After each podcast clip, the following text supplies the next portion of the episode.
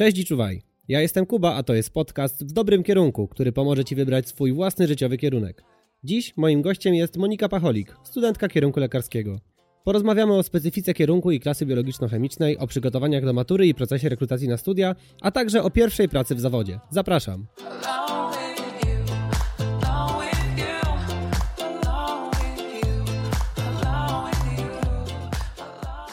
Moniko, studiujesz kierunek lekarski i wydaje mi się, że chyba żadne, żadne studia, żaden kierunek nie jest tak kojarzony z prestiżem, czasochłonnością, trudnością dostania się, jak i na samym e, studiowania na samym tym kierunku, e, jak właśnie ten. I też ja, jak byłem młodszy, bardzo dużo razy słyszałem, że idź, zostań lekarzem, będzie ci wtedy dobrze e, i tak dalej, i tak dalej, i tak dalej. I czy też tak było w Twoim przypadku?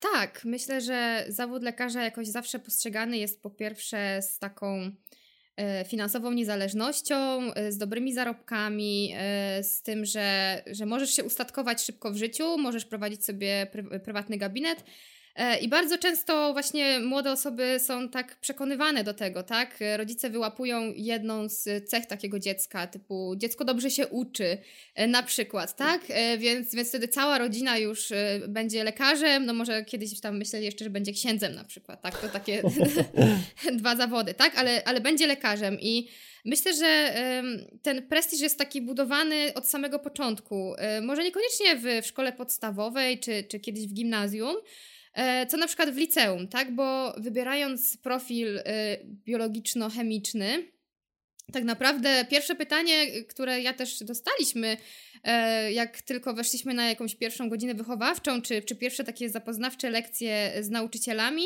e, no to było pytanie, tak, ilu z Was wybiera się na medycynę, tak? tak. Pierwszy, pierwszy rok, pierwsze zajęcia.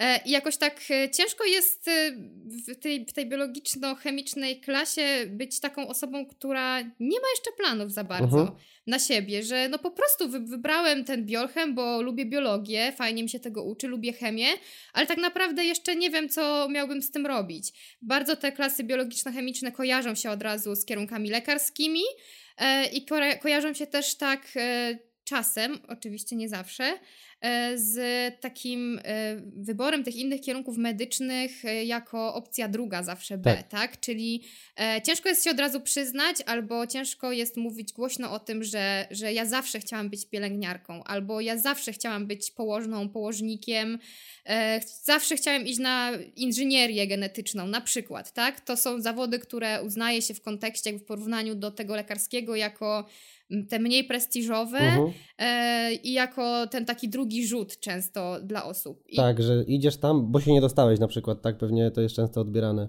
Tak, bardzo często y, panuje taki stereotyp, y, więc no myślę, że tak, że, że od liceum już ten prestiż jest gdzieś budowany y, tego zawodu i i tak jak mówiłam wcześniej, ciężko jest być osobą, która nie do końca jeszcze wie, co chciałaby po mhm. biochemii robić. A jak to było w Twoim przypadku? Ty od początku wiedziałaś, że chcesz iść na, na medycynę, na kierunek lekarski, czy wahałaś się, czy miałaś jakiś kompletnie inny plan na siebie?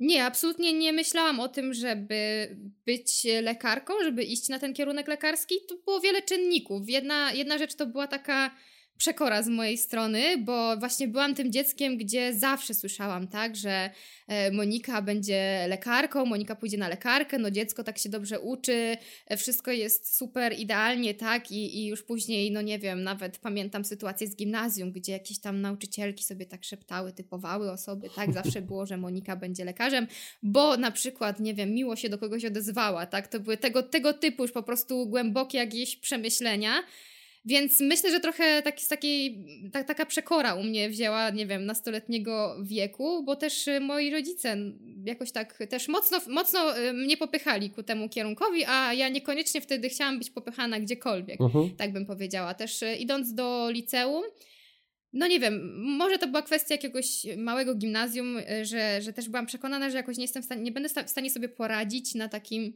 bardzo dobrym poziomie y, w tej klasie biologiczno-chemicznej i sama do siebie nie dopuszczałam takiej myśli, chyba troszeczkę, że mogłabym startować na ten kierunek lekarski. Ja na początku chciałam, y, myślałam najwięcej o dietetyce, to tak na początku liceum, bo jednak zawsze byłam wkręcona w jakieś takie zdrowsze odżywianie, klimaty różnych właśnie zdrowego stylu życia, e, więc pamiętam, że na samym początku, kiedy ktoś mnie pytał, to raczej wskazywałam na dietetykę, później na psychologię już ze, specjaliza ze specjalizacją taką mm, psychoterapeuty.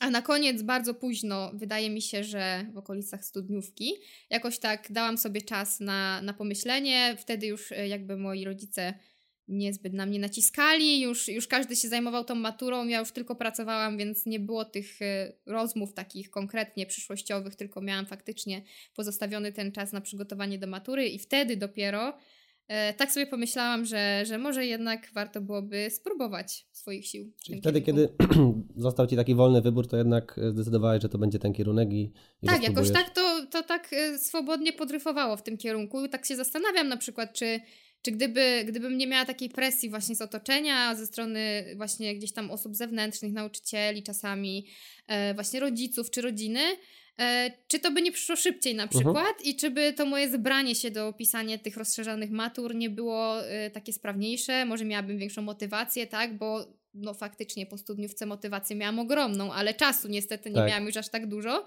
E, także potoczyło się to w moim przypadku tak, jak się potoczyło, tak? Czyli napisałam sobie y, maturę, natomiast no, no, nie wystarczyło mi to do końca, żeby się dostać tam, gdzie chciałam się dostać. Okej, okay, właśnie Najpierw jeszcze chciałem troszkę o, o, samym liceum porozmawiać, bo tak jak e, sam kierunek lekarski jest taki prestiżowy, to już samo pójście do biochemu to też jest już takie coś, co tam będzie trudno, tam będzie strasznie dużo nauki e, i chciałem, żebyś może o tym opowiedziała. Czy, czy faktycznie w biochemie e, trzeba non-stop się uczyć, w ogóle nie wychodzić, nic innego nie robić i czy to też jest takie zderzenie między gimnazjum a liceum?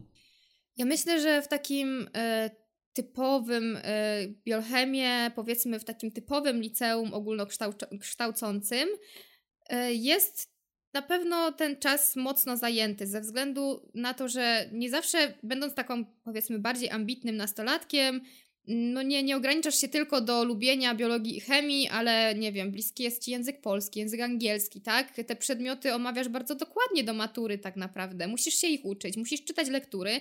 E, I powiedziałabym, że samo przygotowanie się tylko stricte z biologii i z chemii, e, gdyby, gdyby tylko tak to wyglądało, to faktycznie nie zajmuje to aż tak dużo czasu. Natomiast jest jeszcze kupa innych przedmiotów, mhm. dojeżdżanie do liceum w przypadku niektórych, gdzie no ja na przykład codziennie e, jednak autobusem to 30-35 minut w jedną, w drugą stronę, dochodzenie na przystanki, dochodzenie na E, na dworzec autobusowy czasami, e, plus 8 godzin w ciągu dnia zajęć lekcyjnych, no to było wykańczające, bo kiedy no myśmy wracali o godzinie 16, powiedzmy, do domu, to mimo, że nawet tych zajęć nie było aż tak dużo, to po prostu człowiekowi już tak naprawdę nic się nie chciało robić. Tak. Więc wydaje mi się, że sama biologia i chemia jest do ogarnięcia w liceum bez takiego zbędnego siedzenia w domu, siedzenia nad książkami, przeciągania tego w nieskończoność.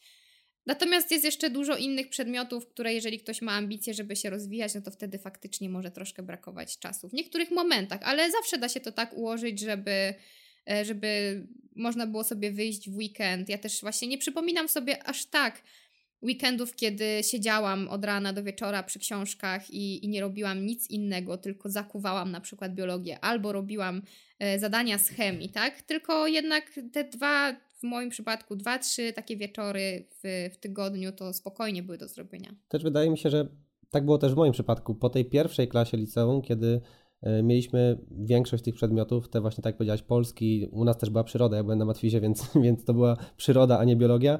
E, od drugiej klasy one znikały i zostawiało to, na czym naprawdę chcieliśmy się skupić. I to też była taka swego rodzaju ulga, bo niby w pierwszej klasie te nasze przyszłe rozszerzenia są podstawowe, ale nauczyciele dobrze wiedzą, że my chcemy z tego robić maturę i to i tak jest takie troszkę rozszerzenie, plus jeszcze te, te inne przedmioty. Tak, to też zależy y, być może na jakiego trafisz nauczyciela, tak? Niektórzy nauczyciele wiedząc, że mają przed sobą ścisłowców, y, klasę właśnie matematyczno-fizyczną czy, czy klasę biochemową, no po prostu z takich przedmiotów y, obowiązkowych na maturze, ale na poziomie podstawowym, czyli polski, powiedzmy angielski, tak, no wymagają tyle, żeby można było tę maturę zdać na takim przyzwoitym poziomie, mhm. tak?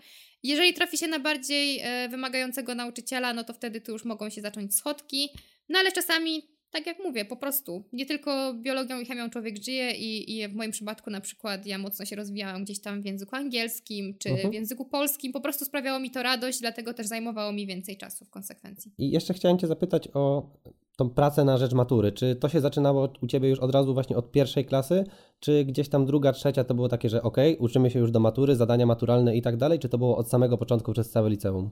Jeżeli chodzi o rzeczy, które robiliśmy w szkole, czyli to, co nam było zadawane, tak, z, z, dnia na dzień.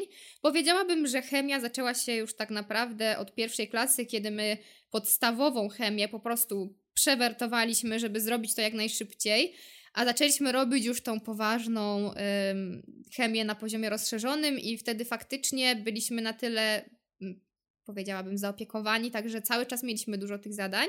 E, I ja nie odczułam takiego nawału przedmaturalnego, że, że tego się zrobiło nagle w ciągu dwóch miesięcy, po prostu, nie wiem, tysiąc zadań do domu, tak, na weekend. E, tylko było to rozłożone w czasie i powiedziałabym, że to było dobre. Z biologii troszeczkę inaczej to wyglądało. E, ale też zawsze staraliśmy się robić jakieś zadania. No myślę, że dużo osób zaczęło też od pierwszego roku jeździć na korepetycje i, mhm. i jednak korzystać z dodatkowej pomocy, bo no wydaje mi się, że to jest ważne do wspomnienia, jeżeli chodzi o klasy biologiczno-chemiczne, że nauczyć się materiału na lekcję, napisać kartkówkę czy sprawdzian, e, to jest jedno, szczególnie w przypadku biologii, natomiast umieć odpowiedzieć pod klucz, mhm. używając konkretnego sformułowania, używając konkretnego toku myślenia, czasami nawet konkretnych słów, to jest zupełnie inna rzecz i w naszym trybie nauczania jest ciężko się tego nauczyć tak na własną rękę. Wtedy najlepiej jest mieć faktycznie tego um, no, egzaminatora, powiedzmy, tak, osobę, która chociażby sprawdza na przykład y, egzaminy maturalne z biologii, bo wtedy taka osoba dobrze wie, na co można się naciąć, y, robiąc, ro, robiąc zadanie. Y, I często tak właśnie jest, że, że jest uczeń, który rozumie tę biologię. Ja byłam trochę takim uczniem, tak? Ja rozumiałam tę biologię, mi się tego bardzo fajnie uczyło. Większość materiału miałam na dobrym, w dobrym stopniu opanowana, opanowaną, natomiast no, testowa część u mnie trochę zawsze leżała i powiedziałabym, że leży do tej pory, ponieważ ja nie bardzo potrafię nauczyć się odpowiadać pod ten klucz. Może mam po prostu jakiś trochę inny tok myślenia. E, może za mało pracowałam właśnie z, z takim korepetytorem, który by mnie tego nauczył, bo właściwie e, za moim pierwszy, w moim pierwszym podejściu do matury w ogóle nie miałam e, korepetycji z biologii. Za drugim razem miałam korepetycję z biologii, ale wyglądało to trochę tak że jeździłam e, do, do mojej korepetytorki raz na dwa tygodnie i raczej tak dyskutowałyśmy na temat uh-huh. tego, co, co ja przeczytałam. Czy jeżeli miałam jakieś pytania konkretne, e, to też mogłam je zadać. To bardziej była nasza taka rozmowa na, na dany temat. Chociaż plusem było to, że, że miałam akurat dostęp do bardzo wielu różnych zbiorów zadań, tak? Bo to była naprawdę wielolet, z wieloletnim doświadczeniem nauczycielka już na emeryturze, także ona tych zadań E, w swojej jakiejś tam domowej biblioteczce miała po prostu mnóstwo, także ja w każdej chwili mogłam coś pożyczyć, e, sprawdzić jak to wygląda i ewentualnie, jeśli nie rozumiałam jakiegoś zadania, nie rozumiałam dlaczego napisałam jakiś tam powiedzmy wywód logiczny, on nie byłby uznany. E, dlaczego tak było, to wtedy mogłam z nią skonsultować i ona wtedy tłumaczyła mniej więcej o co chodzi. To jest też tak samo dobra metoda w naszym przypadku. My też skupialiśmy się na rozwiązywaniu matur z kilku lat wstecz, E, tej majowej, potem tej czerwcowej czy sierpniowej, nie pamiętam dokładnie, bo te zadania one no, są dość podobne i, i warto właśnie w ten sposób się do nich przygotować. A co do samej nauki, bo też wydaje mi się, że często się mówi, że na biochemię trzeba kłuć na pamięć. I jak się możesz odnieść do tego? Czy faktycznie ta nauka tak wygląda, czy da się inaczej? Trochę inaczej sprawa wygląda w liceum, a trochę inaczej sprawa wygląda na studiach. Wydaje mi się, że w liceum takiej pamięciowej nauki może być mimo wszystko trochę więcej i jest w tym jakieś ziarno prawdy, tak? Bo o ile masz. E, e, nie wiem, rośliny na przykład, tak, e, które są takim dosyć ciężkim dla większości uczniów tematem. W moim przypadku ja naprawdę musiałam się tego wyuczyć na pamięć. Później e, są jakieś tam zwierzęta, tak? Idziesz e, jakąś tam każdą formą życiową, powiedzmy, do przodu, tak? E, I to są rzeczy, które składają się w, jakoś, w jakąś całość. Widzisz tam logiczny sens w rozwoju poszczególnych zwierząt czy tam grup zwierząt. Widzisz, co przechodzi dalej, co się zachowuje, jakie cechy. Natomiast dużo rzeczy jest takich, które musisz przyswoić. Więc powiedziałabym, że to jest pół na pół. Niektóre rzeczy musisz zapamiętać po to, żeby na przykład na studiach je zrozumieć. Mhm. E, bo czasami, a właściwie w dużej mierze e, wygląda nauka biologii, na przykład taki wstęp do anatomii, który tam ma, powiedzmy, to jest wstęp taki układowy, omawia się każdy układ po kolei e, i tam faktycznie, no jak masz, nie wiem, nabłonki, tak, no to po prostu uczysz się nabłonków, uczysz się na pamięć, gdzie co występuje, tak, na studiach to jest trochę bardziej rozszerzane i wtedy to zaczynasz rozumieć, natomiast na takim licealnym poziomie trzeba by było doczytywać e, sobie samemu. Ale nie zgodzę się z tym, że w 100% trzeba wszystko pamiętać, absolutnie, bo e, no jednak dużo rzeczy po prostu można zrozumieć tak, tak na swój własny rozum. Jakoś one zaczynają się łączyć. Uh-huh. Te wszystkie układy, na przykład ich funkcjonowanie, tak, nie uczysz się osobno funkcjonowania układu wydalniczego, E, układu, nie wiem, krwionośnego, tak? Potem musisz sobie jakoś to, jak zaczniesz sobie to nakładać, powiedzmy, jedno na drugie, tak? I wtedy nie uczysz się o nerce jako o narządzie, który na przykład wytwarza mocz, tak? Tylko wtedy dokładasz sobie do tego jakieś naczynia krwionośne, jakiś nabłonek, tak? E, no to wtedy wydaje mi się, że, że łatwo jest, łatwiej jest zrozumieć i łatwiej jest tym posługiwać się na maturze i później już w późniejszym czasie. Już praktycznie kończymy temat liceum. Chciałem tylko jeszcze zapytać Cię, już część z tych rzeczy wymieniłaś. Na jakie właśnie kierunki nam Biolchem otwiera drogę, jeśli chodzi o przyszłe studia? Jest bardzo wiele takich kierunków i naprawdę ja oczywiście jak chciałam popatrzeć właśnie, jakie mam możliwości, no to wpisałam sobie, no co po biochemię, tak? w wyszukiwarce gdzieś tam internetowej tych kierunków jest bardzo dużo. E, można iść na farmację, można iść na fizjoterapię, wszystkie e, kierunki okołomedyczne, czyli pielęgniarka, dietetyk, analityk medyczny, kierunek lekarski, ale też lekarsko-dentystyczny, tak? Który ma bardzo podobne progi, jeżeli chodzi o dostanie się tak e, do, w kontekście do, do lekarskiego, tak? To wygląda bardzo podobnie. E, jest inżynieria genetyczna, jest biotechnologia i naprawdę bardzo dużo różnych kierunków. E, jest e, nanotechnologia na przykład, to też można można sobie wybrać taki kierunek w Łodzi, on chyba właśnie powstał niedawno. Także, także jest naprawdę bar bardzo, bardzo duża gama, warto sobie zerknąć w internecie. Są strony, które wypisują po kolei każdy tak naprawdę kierunek, na który można aplikować mając za sobą biologię i chemię w kieszeni, tak? Ale możemy też wybrać inne przedmioty na maturze. I czy jest coś, co warto douczyć się samemu, bądź na korepetycjach i też może nam się przydać w rekrutacji na Twój kierunek. To znaczy, klasy biologiczno-chemiczne bardzo rzadko już teraz pozostają tylko takie, jeżeli chodzi o rozszerzenie. E, często można sobie e, wybrać profil biologiczno-chemiczno-matematyczny z rozszerzonym trzecim przedmiotem matematyką lub na przykład fizyką. I to są trzy takie e, najlepsze strzały, tak? Czyli biologia, chemia i dodatkowo matematyka lub fizyka. E, ponieważ to one często będą pozwalały dostać się na konkretną uczelnię. Są uczelnie, które wymagają właśnie na przykład trzech przedmiotów. E, czy to na poziomie podstawowym matematykę, jeszcze za moich czasów można było się na niektóre uczelnie tak e, rejestrować, tak, tak się rekrutować. Ale już większość z nich przechodziła właśnie na wymagania typu biologia, chemia i matematyka. Najczęściej. Kiedyś to była biologia, chemia, chemia i fizyka, ale teraz to już się powoli zmienia yy, i sporo uczelni faktycznie stawia na matematykę jako taką dziedzinę, którą, jakby taką naukę, która pozwala myśleć logicznie, uczy mhm. logicznego myślenia. I moim zdaniem to jest bardzo dobre posunięcie, tak? Yy, bo jednak chcemy na studiach ludzi, którzy potrafią rozumować i potrafią myśleć o tym, co mówią, tak. o tym, co robią tak naprawdę i dlaczego jakieś jedno działanie w praktyce późniejszej, w przyszłości, z czego to w ogóle wynika, tak? Samo postawienie diagnozy wymaga jakiegoś tam logicznego myślenia, a nie tylko zakuwania konkretnych uh-huh. przypadków i, i kolejnych stron książek, choćbyśmy nie wiadomo jak się e, starali po prostu wykuć, nie wiem, interny szczeklika, tak, czy, czy wykuć się jakiegoś bochenka, który jest takim y, pier- pierwszym podręcznikiem wielkim, z którym się człowiek spotyka na studiach no to bez logicznego myślenia mało jesteśmy w stanie tam tak naprawdę zdziałać. Także ta matematyka brzmi bardzo rozsądnie. Też Łódź jest takim miejscem, gdzie mogą się na medycynę dostać osoby, które nie były nigdy w klasie biologiczno-chemicznej. Osoby, które y, aplikowały na studia tylko z matematyką i fizyką, ponieważ Łódź wymaga dwóch rozszerzeń y, z czterech dostępnych, tak? Czyli biologia, chemia, matematyka, fizyka. Więc osoby, które są w klasach matematyczno-fizycznych i nie do końca czują jakby, że chciałyby się rozwijać w tym kierunku, ale chciałyby spróbować swoich sił w medycynie, zdecydowanie są w stanie dostać się i moim osobistym zdaniem one radzą sobie bardzo dobrze, przynajmniej na tyle, na ile ja znam takie osoby. Mam takie osoby w grupie, e, mam takie osoby też wśród znajomych e, i ja jestem pod bardzo dużym wrażeniem tego, jaki jest rozjazd, jaka jest różnica pomiędzy ich logicznym myśleniem, a na przykład moim, którego ja się nadal jednak uczę, uh mhm. -huh. takiego rozumowania prostego. E, to myślę, że jest warte wspomnienia, bo dużo osób, które jednak gdzieś myślało o, o tej medycynie, a jednak trafiło do klasy matematyczno-fizycznej, ma wrażenie, że sobie nie poradzi.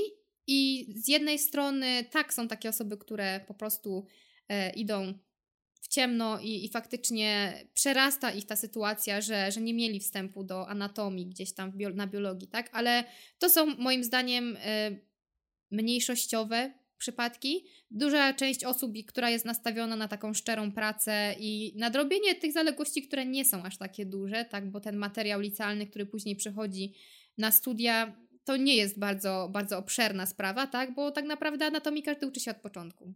Mhm. Także, y, bo tak myślę, że tej anatomii najbardziej się ludzie boją, tak, anatomia, histologia to są takie najważniejsze przedmioty na pierwszym roku.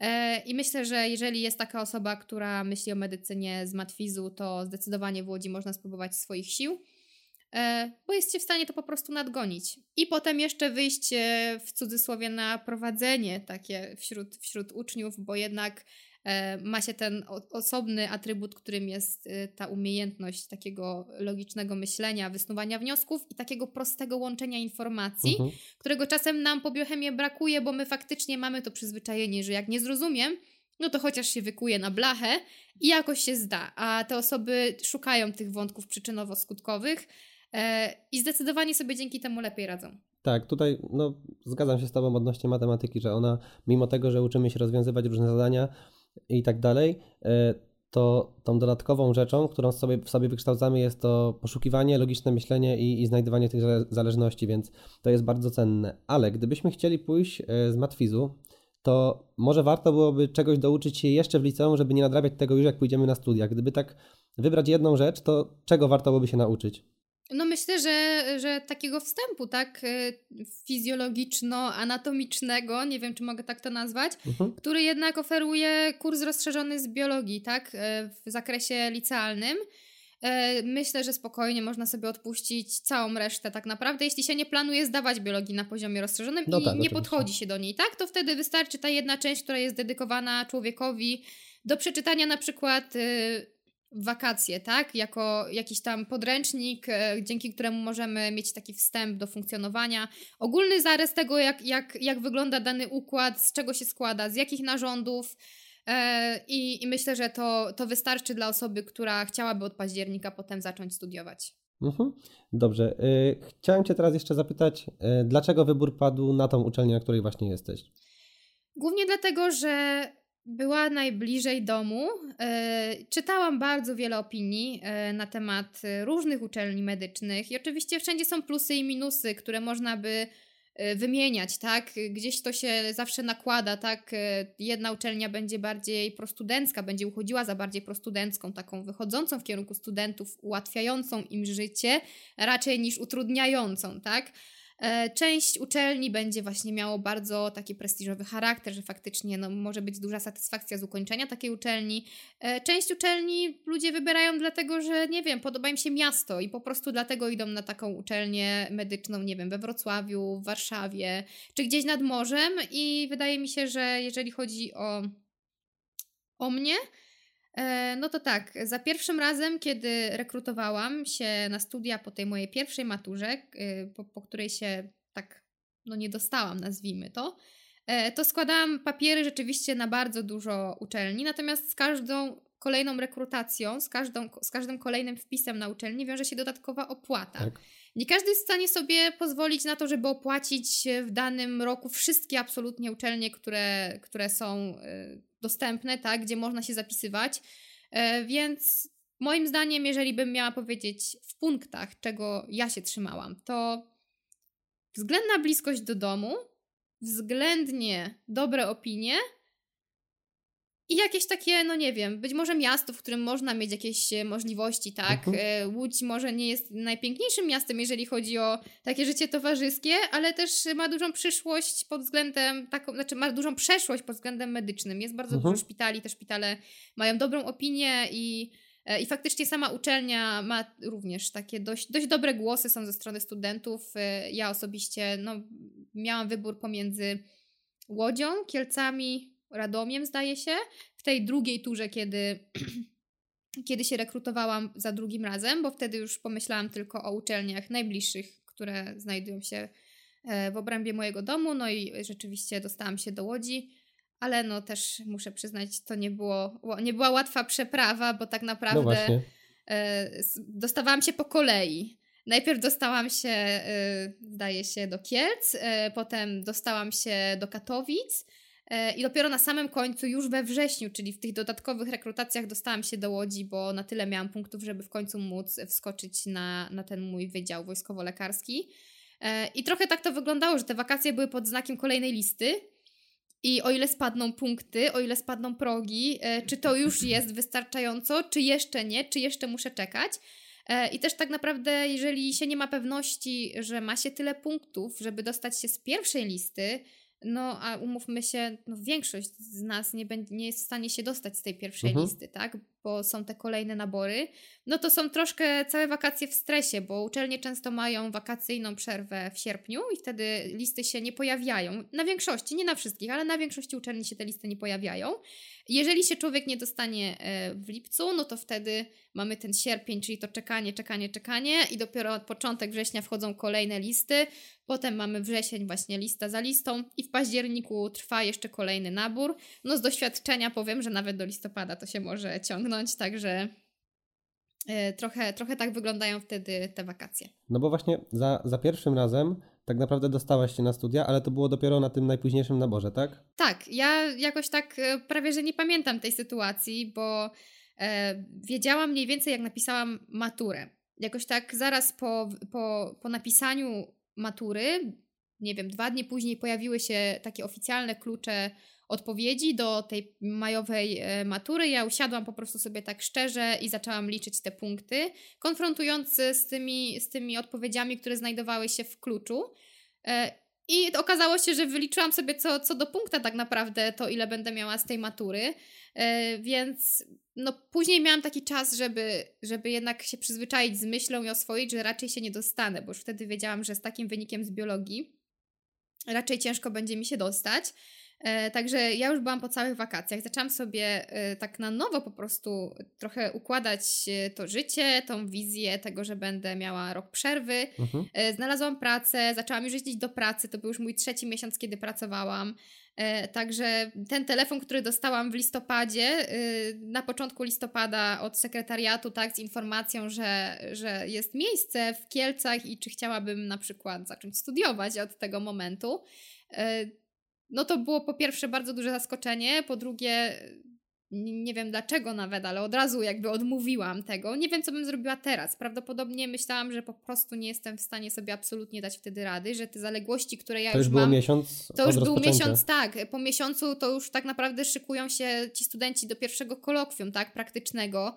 E, w zależności od tego, od jakiej tam kolejności zaczynają anatomię, ale, ale mając świadomość tego, po prostu byłam przerażona, że nie dam sobie rady. E, to też musiało być bardzo, bardzo takie szybkie działanie, tak? Czyli z jednej strony rzucić pracę, z drugiej strony znaleźć mieszkanie, bo jednak do Kielc nie jestem w stanie absolutnie dojeżdżać. Z trzeciej strony y, zakup podręczników, ogarnięcie wszystkiego w jak najkrótszym czasie, żeby te, y, te zaległości jeszcze bardziej się nie kumulowały. Także ja w tamtym momencie po prostu zrezygnowałam i stwierdziłam, że jestem już jakoś pogodzona z tą sytuacją, która jest teraz. Y, zaczynam już sobie radzić w pracy, więc może lepiej będzie znowu tego nie burzyć.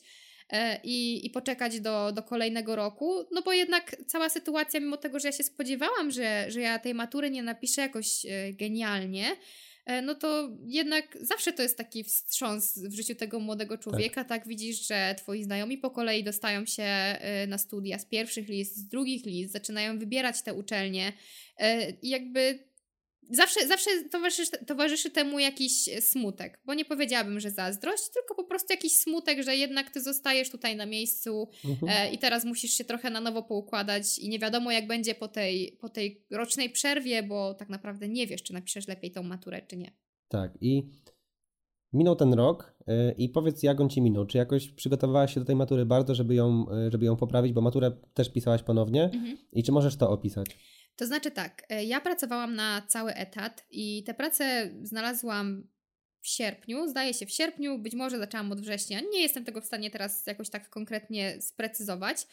E, natomiast no, byłam zatrudniona na umowę o pracę, więc jakby musiałam wyrobić ten swój e, cały etat i pracowałam w supermarkecie. To była jedna z najprostszych prac, które mogłam sobie w tym momencie w okolicy znaleźć, bo jednak mieszkając na wsi, nie mając samochodu, ciężko byłoby mi znaleźć cokolwiek innego bez doświadczenia zawodowego, będąc po liceum, więc tak naprawdę nie mając y, żadnego, jak to się mówi, fachu w ręku, jak, jak po technikum czy, czy po szkole zawodowej, więc byłam totalnie niedoświadczona, jeżeli chodzi o jakąkolwiek pracę. Także zaczęłam składać różne CV. Okazało się, że właśnie kilka kilometrów od mojego domu jest supermarket, supermarket w którym prowadzony jest nabór e, w kierunku e, kasjerów, więc, więc ja tam się zrekrutowałam i, i zostałam zatrudniona. Zaczęłam pracować po prostu na cały etat. I wtedy też musiałam zadecydować, co będę chciała poprawić na maturę. Mhm. Czy będę chciała poprawić um, biologię, czy na przykład biologię i chemię. I znów jakby moi, moi rodzice popychali mnie ku i biologii, i ku chemii, ale no ja wiedząc, że będę pracować, e, mając wynik e, z chemii, to bardzo dużo się w sumie mówi cały czas o procentach, tak, z tych różnych, z tych różnych egzaminów, bo to jest po prostu ciągłe przeliczanie punktów i progów, tak? Więc ja na wtedy, w tamtym czasie, mając 84% z chemii, stwierdziłam, że nie opłaca mi się ruszać tej chemii znowu, tylko poprawić biologię, z której miałam 72% wtedy. E, po, e, po tej mojej pierwszej maturze, więc ja chemię odrzuciłam, nie chodziłam, nie poprawiałam tej, e, tej chemii, nie miałam też takiej, takiej myśli, że po prostu pójdę i z biegu sobie napiszę, zobaczymy jak to wyjdzie, tylko stwierdziłam, że to jest taki wynik powyżej, powyżej 80%, który zdecydowanie powinien mi wystarczyć, może nie na pierwsze listy, ale mając to 84 jestem w stanie już coś tam, coś tam osiągnąć, więc skupiłam się tylko na biologii.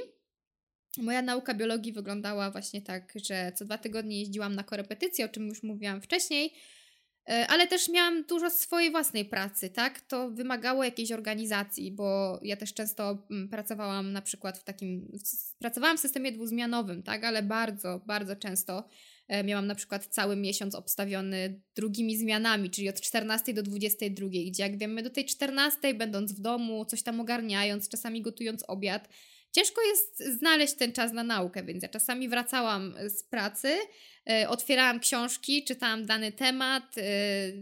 Y, następnego dnia, na przykład z samego rana, robiłam zadania, i tak jakoś ten dzień za dniem y, jakoś tak się toczył, powiedzmy. Taką bardziej konkretną naukę, już z ukierunkowaniem na, na arkusze, na testy to myślę, że po Sylwestrze, ten Sylwester był takim momentem, że myśmy poszli na tego Sylwestra, E, potem wstałam następnego dnia rano i po prostu poczułam, że to jest ten moment, w którym trzeba mhm. zacząć już się uczyć od nowa tak naprawdę mocno i jak najmocniej e, tylko mogę, żeby do maja to jakoś wszystko przetrwało i żeby ten wynik był jak najlepszy. To też zawsze jest trudne na, na tym Gabier, żeby uporządkować sobie te wszystkie rzeczy, żeby wziąć się za naukę tak rzetelnie i tak realnie, a, a nie odkładać tego na kolejny dzień, bo na przykład dziś jestem zmęczony pracą, więc może pouczę się jutro, jak rano wstanę, ale rano na przykład pośpię sobie dłużej, bo jestem zmęczona pracą tak. i chciałabym się wyspać, zaraz idę znowu do pracy. E, I te dni naprawdę leciały mi bardzo szybko. Ten, ten rok w ogóle zleciał naprawdę dość szybko. E, ale tak, jakoś zawsze starałam się być e, w, w kontakcie z, z tą biologią i, i żeby nie zapomnieć o tym, dlaczego w ogóle ja mam ten rok przerwy i dlaczego ja chcę poprawić tę maturę. Też miałam taki, e, później jak już tak byłam na powiedzmy takim tym półmetku naukowym, nie wiem, gdzieś w okolicy marca, to już faktycznie e, trochę mi było tak ciężej, powiedzmy psychicznie, e, ogarniać cały czas pracę, potem jeszcze się uczyć cały czas, bo to jednak jest po prostu męczące, więc miałam takie przyzwyczajenie na przykład, że że dla mnie, dla mnie bardzo dobrze działało to, że codziennie na przykład wypisywałam sobie z anatomii człowieka jakieś słówka na przykład zaczęłam od, od, od kości, tak? I tak to wyglądało, że siadałam rano, przed nauką spisywałam sobie na przykład y, po, y, po, po łacinie, e, po angielsku i po polsku e, nazwy kości. Gdzieś tam sobie znajdowałam w jakichś takich anatomicznych słownikach. I samo to, że ja to pisałam, jakoś tak mnie napędzało do tego celu, że, że nie zapominałam, po co, po co właśnie był ten rok przerwy i, i że jeszcze tylko trochę, a potem jak się uda, no to już kurczę, lecimy na studia i już mhm. będzie tylko łatwiej. To na pewno taki bardzo bardzo dobrze wykształcić sobie taki y, pozytywny nawyk, tak jak to wypisywanie, bo też y, wydaje mi się, że może brakować tego, że wszyscy nasi znajomi, którzy wcześniej byli z nami w liceum, też się przygotowywali. Oni teraz robią już co innego, więc nie jesteśmy w tej grupie, która się uczy i czeka na to, tylko jesteśmy sami, więc myślę, że ten, że ten nawyk to jest bardzo pożyteczna rzecz. Tak, szczególnie, że Powiedziałabym, że ten gap year był też takim dosyć samotnym czasem, bo, bo ja tak naprawdę zostałam praktycznie, że no może nie praktycznie, ale, ale było mało osób, z którymi można było mieć na co dzień kontakt. E, niektórzy znajomi dopiero pisali maturę, na przykład w tym roku, kiedy ja już byłam e, w domu i pracowałam, więc e, też ten kontakt z nimi był utrudniony, no bo oni faktycznie no, zaczęli się uczyć, przestali jakoś tam wychodzić. Ja cały czas pracowałam na te drugie zmiany, dlatego no po prostu w, też nie chciałabym gloryfikować tego, że Gapier potrafi tylko nauczyć człowieka jak być odpowiedzialnym, jak zarabiać pieniądze, jak e, być ułożonym, zorganizowanym, bo to jeżeli jest się szczególnie osobą z małej miejscowości, to potrafi być bardzo samotny czas. No ale potem przyszedł maj, przyszły kolejne matury e, i jak to było w Twoim wypadku za tym drugim razem? To było bardzo śmiesznie, bo ja poprawiałam maturę z biologii. Muszę przyznać, że jakoś tak nie stresowałam się za bardzo, może byłam pewna, właściwie to byłam pewna tego, że w porównaniu z rokiem poprzednim, nie tyle moja wiedza teoretyczna była na o wiele wyższym poziomie, bo, bo jakoś tak po prostu utrzymywałam to, co umiałam przed, za pierwszym razem, ale ta moja wiedza odnośnie wypełniania testów yy, była zdecydowanie lepsza. Ja po prostu wiedziałam, co mam napisać w danym momencie. Yy, I weszłam na tę maturę, napisałam ją w zasadzie tak, e, no wiedziałam, że, że poszło lepiej niż, e, niż ostatnio, e, więc jakoś tak sprawdziłam sobie e, te, te odpowiedzi, tak, ta matura też nie należała, nie należała akurat wtedy do najłatwiejszych, może też w sumie zależy dla kogo. Dla mnie, no, wydawało mi się, że była na porównywalnym poziomie co poprzednia, z poprzedniego roku, ale no miałam ten atut, że, że jednak ja już jestem nauczona jak napisać, jak napisać te wszystkie zadania, jak się wstrzelić w klucz, i w zasadzie, jeżeli chodzi o samą maturę, to było tyle. No, o wiele śmieszniejsze były wyniki, kiedy, yy, kiedy okazało się, że napisałam dokładnie na tyle samo procent yy, tę biologię, czyli na 72%. I, i to była północ. Rzeczywiście te, te wyniki wtedy wskakiwały nam na te nasze konta. Yy, ja byłam pewna, że, że ktoś mi się tu nie odświeżyło, że mi ktoś nie mhm. wprowadził mhm. tych wyników, bo napisać dwa razy maturę dokładnie tak samo to jest no, niebywała rzecz i ja się tak. w ogóle tego nie spodziewałam. Okej, okay, ale to by mógł być inny centyl, tak? W tym roku? Tak, tutaj y, zaważyły zdecydowanie centyle y, i później to już widziałam. Nie wiem, czy to od razu jest udostępniane razem z wynikiem maturalnym, gdzie masz dostęp do, do centyli, czy to dopiero. Chyba dopiero jak odbieramy. Chyba dopiero jak ten y, odpis taki się tak, jeszcze. Tak, chyba wtedy. I wtedy się widzi centyle. Rzeczywiście ja pojechałam wtedy po, po, ten, po ten papierek. I tak, i zobaczyłam sobie na centyle, okazało się, że to było 10 centyli więcej niż w zeszłym roku i wtedy faktycznie procent okazał się procentowi nierówny, tak? 72% e, w, w tym roku, w którym pisałam po raz drugi maturę, był czymś zupełnie innym niż rok wcześniej. E, I już wtedy jakoś tak zaczęłam sobie patrzeć, porównywać te centyle, spojrzałam jak wygląda kwestia e, z, z maturą z chemii, tak? Jak ludzie napisali mniej więcej tą maturę z chemii. I miałam powiedzmy taki względny spokój, że w pierwszej liście na pewno nie, ale gdzieś tam się na pewno dostanę. Zresztą już byłam taka przygotowana po prostu na to, że, e, że już, już raczej tak, tak? Nawet jeżeli to będzie wrzesień gdzieś tam na wymarzonej uczelni, czy początek października, to już teraz wiem, że kończę pracę, kończy mi się umowa, siedzę w domu i tak naprawdę tylko czekam, żeby wystrzelić i po prostu uh-huh. być osobą, która tam się pojawi gdzieś nagle e, na studiach. No i się udało. I się udało, tak, dokładnie tak. E, tak jak już mówiłam wcześniej, wyglądało to tak, że po prostu wakacje miałam rozbite na podróżowaniu po Polsce i składaniu różnych dokumentów. jakieś szalone wolne w pracy, bo nigdy nie wiedziałam, z której listy się dostanę, tak? Więc jak po prostu najpierw dostaliśmy się w Kielcach, to jakieś e, badania od razu załatwialiśmy. E, jeździliśmy tam, e, czy to właśnie z tatą, czy, czy z bratem i składaliśmy te papiery konkretnie. Później przyszły Katowice, więc tam też składaliśmy papiery. No i była ta przerwa sierpniowa i czekałam już na kolejną listę łódzką, bo, bo widziałam już, że powinno spaść na tyle powinny spaść na tyle te progi, żeby, żeby było dla mnie miejsce. Tak? No zawsze inną rzeczą jest to, czy ludzie rezygnują z tych miejsc, gdzie złożyli papiery, czy nie. E, I o ile zawsze myślałam, że to jest wina tylko e, studentów, którzy po prostu składają do, dosłownie wszędzie te papiery, podostają się z pierwszych list, a później już tylko blokują te miejsca, które fizycznie nie, nie będą nigdy nikim e, obstawione, tak? Żadnym studentem nigdy nie będą obstawione. To potem okazało się, że jak sama zaczęłam się dostawać na kolejne uczelnie, że to nie jest takie proste. Mhm.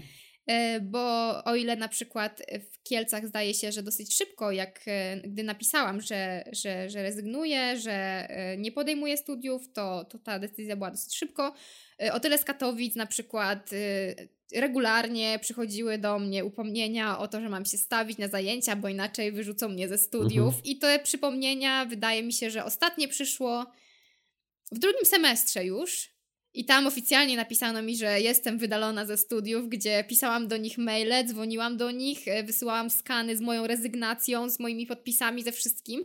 E, nikt nie kazał mi nigdy przyjechać tam osobiście, żeby zrezygnować, a pewnie bym przyjechała, ale nawet dopytywałam się e, na miejscu, tak? W jaki sposób ja mogę zrezygnować, żeby innej osobie nie zająć miejsca, bo wiem, że ktoś mi zajął to miejsce mhm. wcześniej, tak? Tak jak mówiłam o tych Kielcach w listopadzie, więc wcześniej ktoś mi zajął miejsce i jakbym ja mogła zrobić, żeby taka sytuacja się komuś nie powtórzyła, komu tego jednego punkta braknie, żeby się dostać. No ale jak widać, e, administracja jest zawsze na najwyższym poziomie, jeżeli chodzi o uczelnię, także... Słynny dziekanat. Słynny dziekanat dokładnie tak w ten sposób, w ten sposób działał, więc... E, jeszcze byłam właśnie podwójną studentką w Katowicach i w Łodzi przez jakiś czas, mimo tego, że zrobiłam absolutnie wszystko, co, czego było, co było ode mnie wymagane, żeby zrezygnować. Mhm. Jesteś teraz na Wydziale Wojskowo-Lekarskim, tak? tak? Znaczy na kierunku, czy to jest wydział, jak to dokładnie wygląda?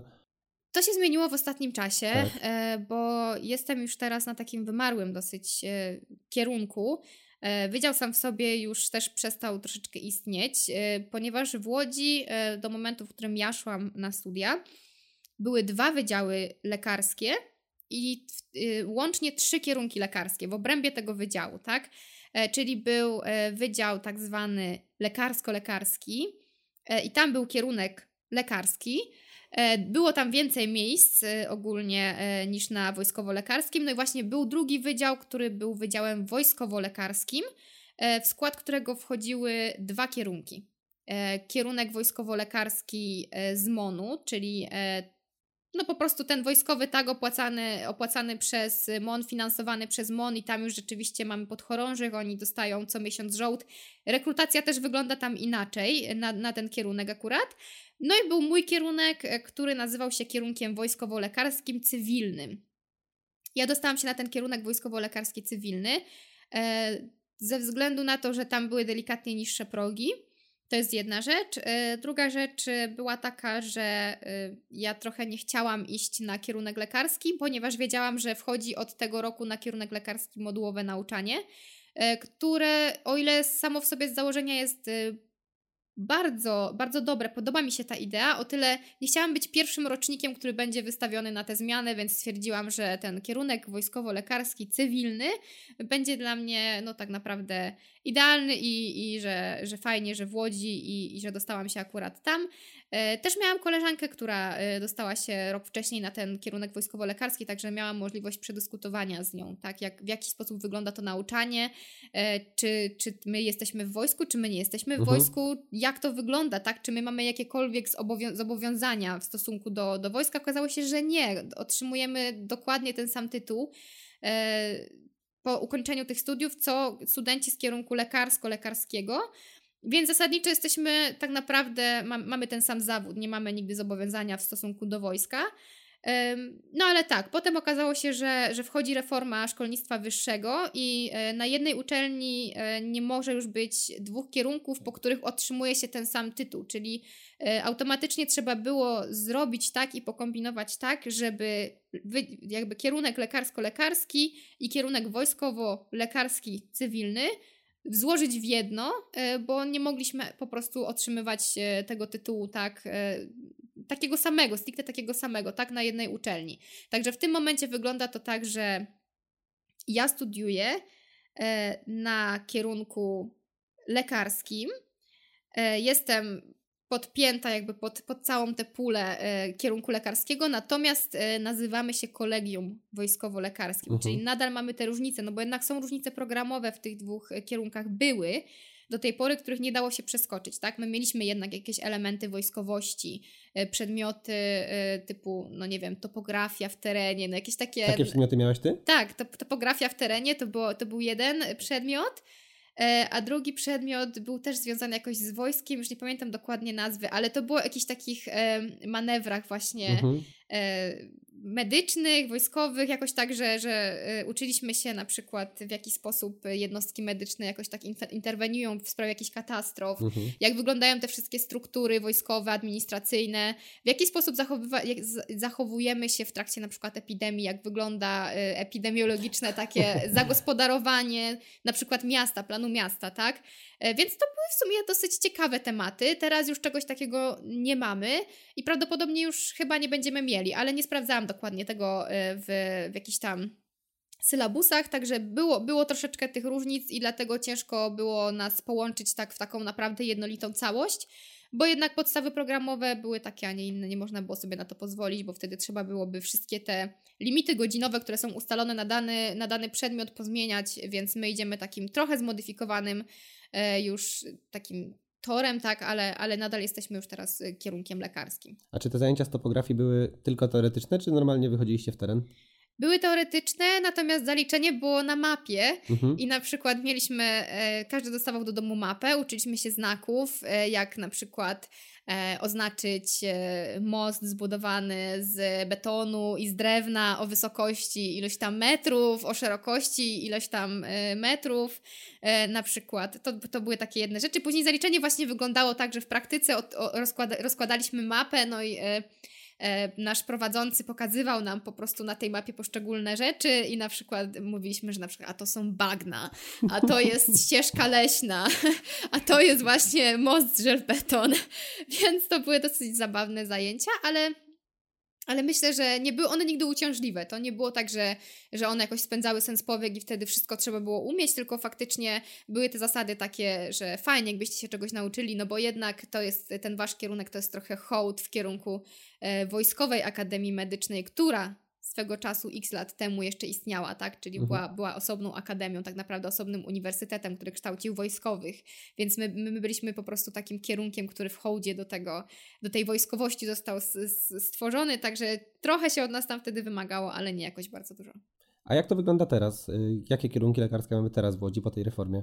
Teraz mamy dwa. Możemy iść albo na zwykły lekarski kierunek, albo na kierunek wojskowo-lekarski, który jest e, jakby prowadzony tak przez Montag, czyli po prostu mamy wojsko podchorążych i, i w konsekwencji tytuł e, jakiegoś tam lekarza, powiedzmy, wojskowego. No nie wiem dokładnie, jak to się nazywa, bo też nigdy mnie ten kierunek nie interesował.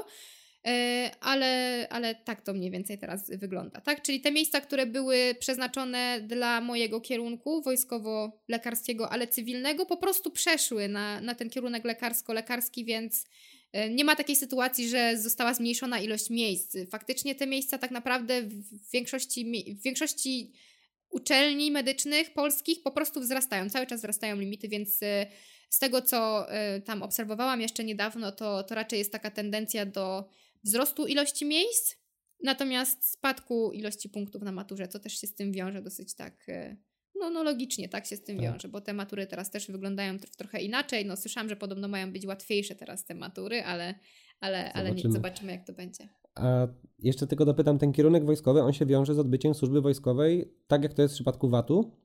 To znaczy tak, tam jest jakiś e, okres czasu, kilka lat, które trzeba odpracować, bo od pierwszego roku otrzymujesz już... E, no żołd, tak, otrzymujesz już pieniądze, e, mieszkasz e, tam na jednostce, tak, e, mhm. i po prostu otrzymujesz, otrzymujesz te swoje pieniądze, więc to jest dobra opcja dla osób, które no nie boją się na przykład sportu, bo jednak tam duży nacisk na sport jest, e, ale oczywiście wymagania co do nauki są też dosyć podobne. E, mają więcej przedmiotów też te osoby, które tam studiują, bo jeszcze dochodzą im konkretne przedmioty wojskowe, o tematyce wojskowej, dochodzą im przedmioty jeszcze sportowe. To jest normalnie jak, jak po prostu pobyt w wojsku faktycznie z pobudką, tak. ze wszystkim. Mhm. Także, ale, ale właśnie jeżeli są osoby, które nie boją się takich rzeczy, bo ja też znam, mam koleżankę, która marzyła o tym, żeby się dostać w ogóle na MON. E, I jak poszła, to naprawdę była w niebo wzięta, po prostu wszystko jej się totalnie podobało tam. Sytuacja wygląda tak, że właśnie jeżeli ktoś miałby nie mieć takiej e, możliwości finansowej, żeby, żeby po prostu pójść na studia medyczne, wynajmować mieszkanie, być może nie chciałby się pakować w jakiś kredyt studencki, no to wtedy jest, jest możliwość, że, że może pójść na MON, e, zdać testy sprawnościowe, które są na początku jeszcze, przed, przed samymi wynikami rekrutacji trzeba, trzeba przyjść i zdać te sprawnościówki. E, a potem no, zaczynają się normal, normalne studiowanie, tak? E, z tym, że wydaje mi się, że po pierwszym roku można zrezygnować bez konieczności zwracania pieniędzy. Tak, a po, potem pewnie już trzeba. Potem trzeba oddawać. oddawać tak pieniądze, które się otrzymało od państwa w zamian za wykształcenie. E, i ileś lat na pewno na jednostkach trzeba spędzić, tak, jako, jako, mhm. lekarz, e, jako lekarz wojskowy. E, natomiast później też można sobie zrobić normalnie specjalizację po tych kilku latach, kiedy już to zobowiązanie wygasa w stosunku do wojska, tak, to można zrobić, zrobić sobie normalnie specjalizację i po prostu pracować w szpitalu, tak. Mhm. To też na pewno jest jakaś droga. Tak jak powiedziałeś też dla osób, które nie mogą sobie pozwolić na, na studiowanie w innym mieście, na mieszkanie, to na pewno też jest, jest też dobra opcja. No dobrze, ale jesteś na, na kierunku lekarskim i jak jest na tych studiach? Jak było na samym początku? Jak w końcu się nie dostałaś? Czy to było zgodne z Twoimi oczekiwaniami? Coś Cię może zaskoczyło? Sam początek, y, no myślę, że dla każdego on jest w jakiś sposób trudny. Każdego zaskoczą inne rzeczy, tak? Jednego, jedną osobę zaskoczy wielkie miasto i i to, że musisz się po nim poruszać i nagle po prostu musisz e, mieć w głowie tramwaje, a jakby dojazd do danych miejsc. W Łodzi jest jeszcze taka dosyć specyficzna sytuacja, że e, te nasze jednostki naukowe są bardzo rozproszone po całym mieście, więc sam wybór mieszkania w wakacje, no to też jest taka strategiczna gra trochę, tak? Musisz, musisz zerknąć sobie gdzie będzie się odbywało najwięcej zajęć na przykład w danym roku e, i spróbować wybrać no chociażby drogę gdzieś tam w połowie powiedzmy jednej i drugiej jednostki, gdzie no ja na przykład mam taką, mam taką sytuację, że jak jeszcze jeździliśmy na, na zajęcia stacjonarne, to faktycznie po prostu dosłownie dwa końce miasta to są, to są, e, to są te, te jednostki naukowe. To jest jedna rzecz. E, druga rzecz, ogółem takie, takie obycie, gdzie kupić podręczniki, jakie kupić podręczniki, to jest zawsze coś e, trudnego, co, co, co każdy się zastanawia, tak? Można wpaść po prostu w taki wir i kupić zbyt dużo, bo nie wiemy o tym, że można swobodnie coś tam wypożyczyć. Można odkupić gdzieś z drugiej ręki, chociaż to akurat o tym odkupowaniu z drugiej ręki myślę, że jest e, dosyć popularne, bo zawsze jak tworzą się pierwsze grupy, już takie po pierwszych listach na Facebooku, no to wchodzą osoby ze starszych, ze starszych lat i jednak tam próbują wypchnąć te swoje, te swoje podręczniki i to jest e, zawsze dobra opcja, żeby spróbować sobie coś kupić tylko zawsze trzeba sobie zerknąć na przykład na wydanie. Są takie, są takie przedmioty, gdzie, gdzie wydanie ma znaczenie danego podręcznika i, i niekoniecznie e, profesorowie czy prowadzący będą przychylnie patrzeć na wydanie sprzed 15 lat, tak? bo, bo coś się zmieniło już tak diametralnie, jest to nauka, która tak bardzo się rozwija, e, że po 15 latach to tak naprawdę nic z tym podręcznikiem nie można zrobić. Jeżeli chodzi jeszcze o książki same w sobie, fajną opcją też jest dla osób, które w ogóle gdzieś tam lubią sobie korzystać z technologii do nauki, e, pomyśleć e, o e-bookach, które można sobie spokojnie kupować e, z takich najbardziej popularnych książek. Wydaje mi się, że jest strona ebook.pl, która, która oferuje te podręczniki medyczne to jest właśnie jedna rzecz. Zawsze tam są jakieś na, na dyskach, które są przekazywane z roku na rok, są jakieś fajne materiały naukowe, czasami są jakieś podręczniki, też e, jakieś publikacje, e, do których można sobie zajrzeć. Także to jest jedna rzecz. Czy coś mnie takiego ym, pozytywnie może zaskoczyło mnie to, że, że tak naprawdę na studiach idąc po tej pierwszej takim, po tym falstarcie, po tej pierwszej nieudanej próbie, nie jest się najstarszą osobą. W sensie to jest naprawdę tylko jeden rok różnicy e, i spotyka się ludzi, którzy są o wiele, wiele starsi. Naprawdę. E, ja zaczynałam studia z osobami, które były na przykład pod 30 już i one nadal ze mną studiują, tak? Więc e, gdzieś tam ten, ten wiek, naprawdę ten rok różnicy to nie jest aż taka uh mhm. -huh. przepaść. E, są ludzie, jest mnóstwo osób oczywiście, które się dostają za pierwszym razem, ale, ale jest bardzo dużo osób z bardzo różnymi historiami. E, to nie jest tak, że można się wkupić na studia, tak? E, zapłacić odpowiednią ilość pieniędzy i po prostu dostajesz miejsce, nagle zostaje wyczarowane. Prawdopodobnie gdzieś tam jakimś, na jakimś marginesie się zdarzają takie sytuacje, tak? Ale myślę, że tak, dla, dla takich osób jakby, które, które mogą sobie pozwolić na, na taki ruch, no to myślę, że chyba studia niestacjonarne, czyli te, za które się płaci tak. dzienne, ale za które się płaci, tak, e, semestralnie, no to to jest to rozwiązanie, które one najczęściej wybierają, tak, jeżeli nie chcą być przez ten kolejny rok w domu. Więc pozytywne zaskoczenie myślę, że, że takie bardzo dużo, bardzo różnych osób w bardzo różnym wieku, z bardzo różną historią. Są osoby, które na przykład koleżanka z mojej grupy, tak, e, rozmawiasz z nią jakby pytasz się na przykład, czy, czy zawsze chciałaś iść na ten kierunek, takie początkowe rozmowy, wiadomo, każdy się tam dzieli takimi rzeczami i nagle okazuje się, że, że jedna dziewczyna mówi, że no słuchaj, szósty raz próbowałam, szósty, za szóstym razem w końcu się dostałam. I tobie po prostu szczęka opada do samej podłogi, bo w życiu chyba nie, nie, ma bardzo mało osób chyba próbowałoby sześć razy. Tak. I poszłoby, i ona wtedy po prostu z takim powerem naprawdę to mówiła. E, są osoby, które na przykład e, moja dobra koleżanka, e, kiedy zapytałam ją właśnie o to, jak, jak, jak to się stało, że, że przyszła na te studia, i ona wtedy mówi: No wiesz, słuchaj, zawsze chciałam być pilotką ale mam za dużą wadę wzroku, nie przyjęli mnie do szkoły, więc stwierdziłam, że zostanę lekarzem, nie? Więc są też, są też takie historie, tak, że, że możesz mieć i kosmonautów, i kasjerów, i, i ratowników, bo są też osoby, które już zdążyły skończyć jakieś studia, najczęściej to są studia pierwszego stopnia, często właśnie ratownicze. Są u nas osoby, które albo studiowały ratownictwo, albo już ukończyły licencjat na przykład e, z ratownictwa, czyli ten pierwszy stopień, E, i potem dostały się na medycynę. To są osoby, które często od pierwszego roku już pracują na przykład e, w karetkach, ogólnie pracują w szpitalach, plus jeszcze studiują, tak? Czasami uda im się odpisać jakiś przedmiot, no ale to zależy też od ilości godzin, więc, więc są takie osoby. U mnie też znam przypadek dziewczyny, która na pierwszym roku pisała magisterkę. Mhm. Na przykład z, chyba z, z biotechnologii, coś w tym stylu. E, I to dopiero był wyczyn naprawdę, żeby, żeby to zrobić i bez problemu. Ci ludzie zaczynają studia i są z nami do tej pory, więc dają sobie radę. Więc myślę, że ten przekrój taki społeczny, który można zobaczyć, e, nie tylko ludzi bardzo takich pewnych siebie, e, właśnie wyuczonych, idealnych, wiedzących wszystko i pochodzących z, z no nie wiem, to jest głupie powiedzenie, ale z takich najlepszych rodzin, to, to, to nie, nie wygląda aż tak. Przynajmniej nie w moim przypadku są bardzo różni ludzie, bardzo różne typy charakterów, tak?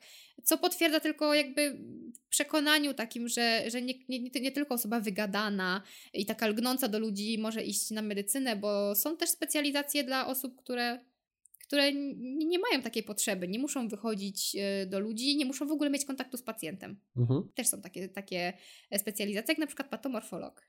Są u nas osoby, które, które są takie bardziej nieśmiałe, małomówne i często okazuje się, że na przykład oni myślą o o karierze właśnie patomorfologa na przykład yy, i nie przeszkadza im zupełnie to, że na, nie będą mieli w ogóle kontaktu z pacjentem, tak? Tylko będą otrzymywać próbki yy, do badań, jakieś wycinki yy, i to też im wystarcza, bo, bo to jest zagłębianie tej nauki. Bardzo ciekawa jest to nauka i spełnianie jakichś takich marzeń, tak, o, o byciu lekarzem, natomiast nie są totalnie wykluczeni przez to, że, że nie lubią mhm. takiego kontaktu z drugim człowiekiem. Okej, okay. tu jeszcze się odniosę do tego, co mówiłaś wcześniej.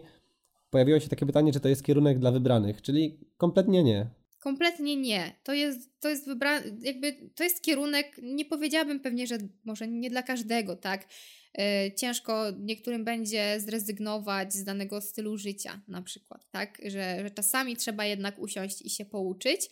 Yy, chociaż jak ktoś bardzo chce, to, to również może sobie jakoś tak bardzo lekko te, te studia przebyć, tak? Tylko wtedy, no jakby myślę, że to jest bardziej konfrontacja z własnym sumieniem, tak? Czy ściąganie na każdym, absolutnie każdym egzaminie i na każdym teście, e, jakby co, do, do czego cię doprowadzi w przyszłości, tak? No mhm. to to jest takie pytanie. Też są oczywiście takie osoby, ale zasadniczo myślę, że teraz w tym momencie nie ma już takich, e, trochę zostały pogrzebane te takie podziały społeczne Oczywiście zdarzają się tacy ludzie, czyli ci, ci e, w cudzysłowie wybrańcy. Nie, nie lubię też takich e, sformułowań w ogóle stosować, tak? ale zdarzają się tacy ludzie.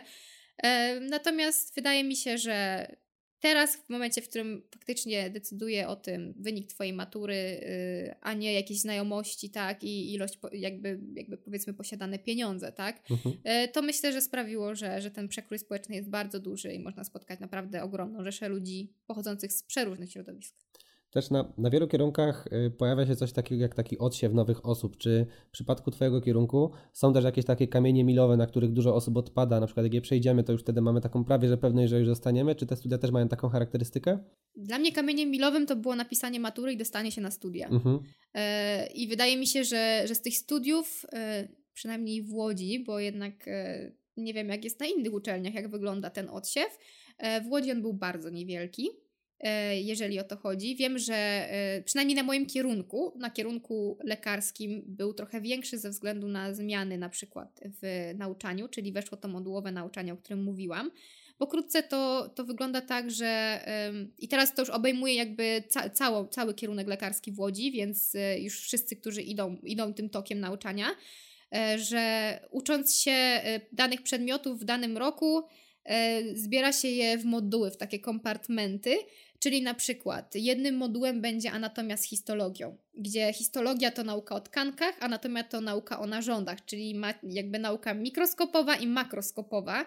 E, to jest połączone w jedną całość. Powinno to wyglądać w ten sposób, że E, nie rozjeżdżają się te tematy, które się omawia w ciągu roku. Ja na przykład e, w zupełnie innym czasie omawiałam anatomię kończyn, a w zupełnie innym czasie omawiałam tkankę mięśniową e, na histologii.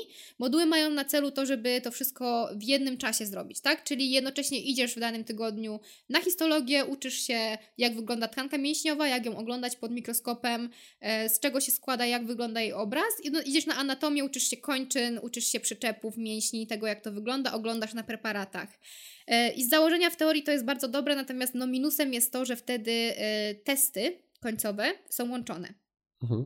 Czyli masz jeden wielki test z anatomii, z histologii. I nie zdaje się całego w razie czego. I nie zdaje się całego. To znaczy, tam jest rozróżnienie oczywiście na pytania, tak?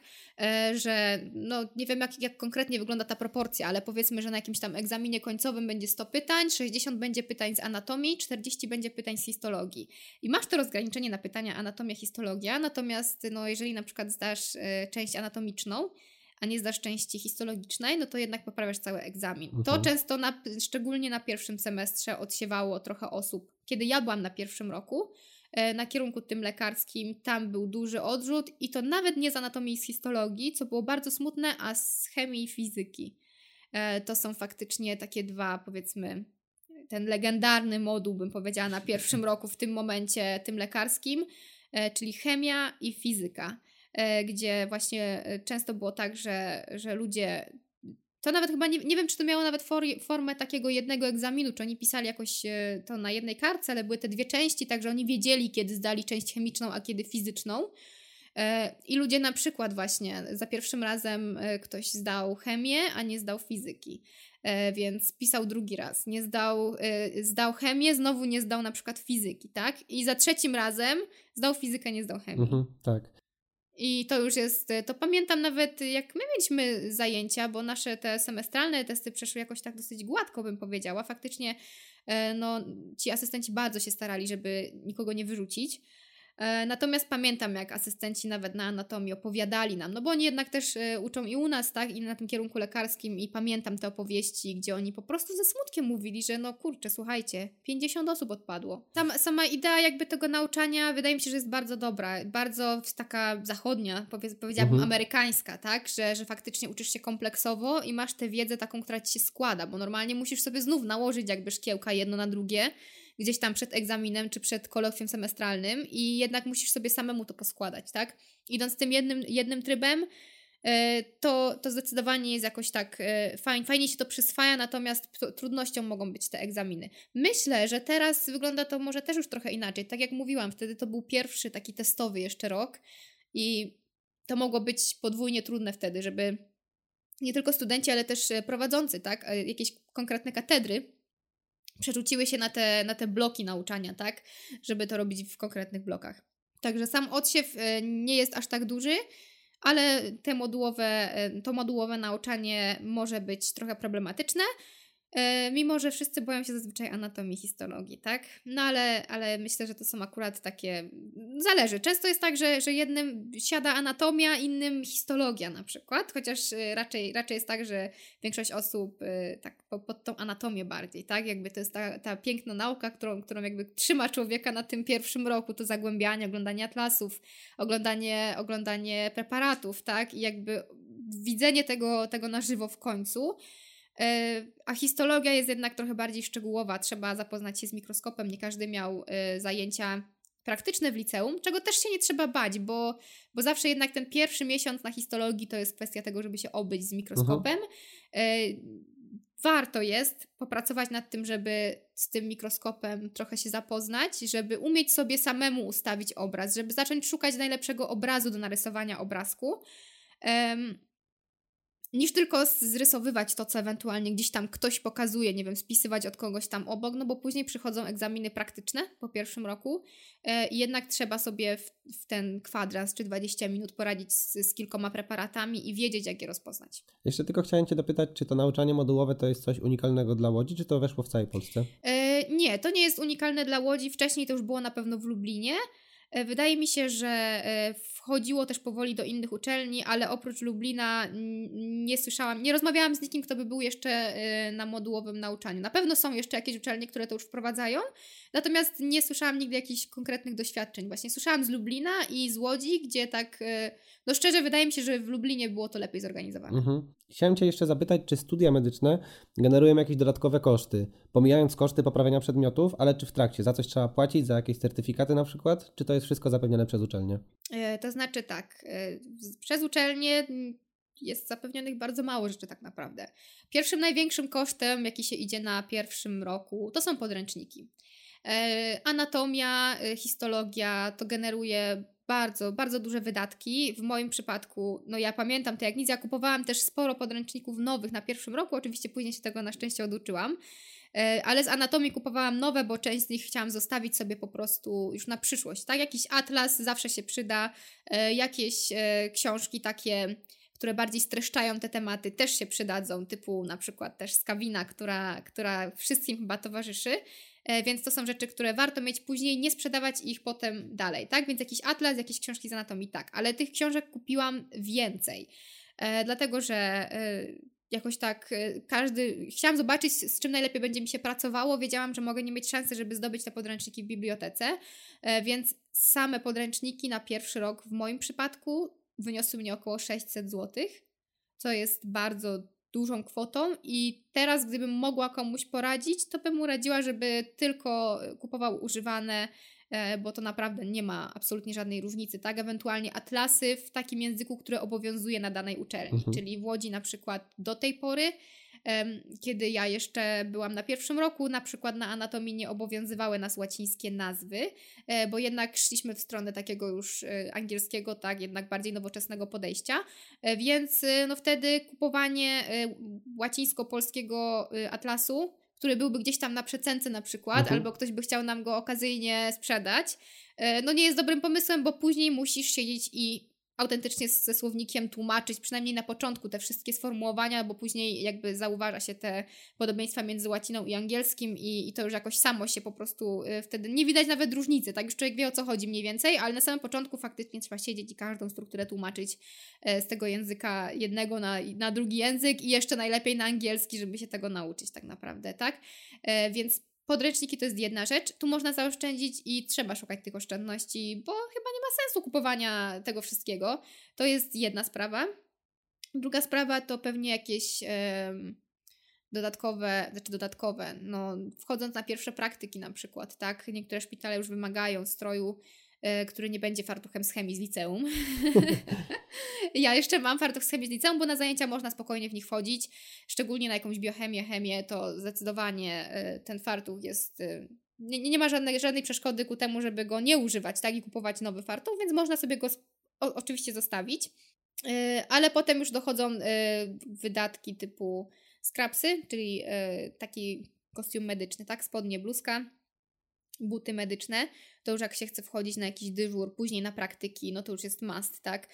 Też zależnie od szpitala, część szpitali akceptuje jakieś tam trampki na zmianę, tak? Ale, ale myślę, że przychodzi ten moment, powiedzmy, maksymalnie na drugim roku, że już naprawdę trzeba sobie tego, to nabyć, bo, bo wchodząc później na kliniki, no jednak lepiej wyglądać, yy, wyglądać już bardziej profesjonalnie, tak?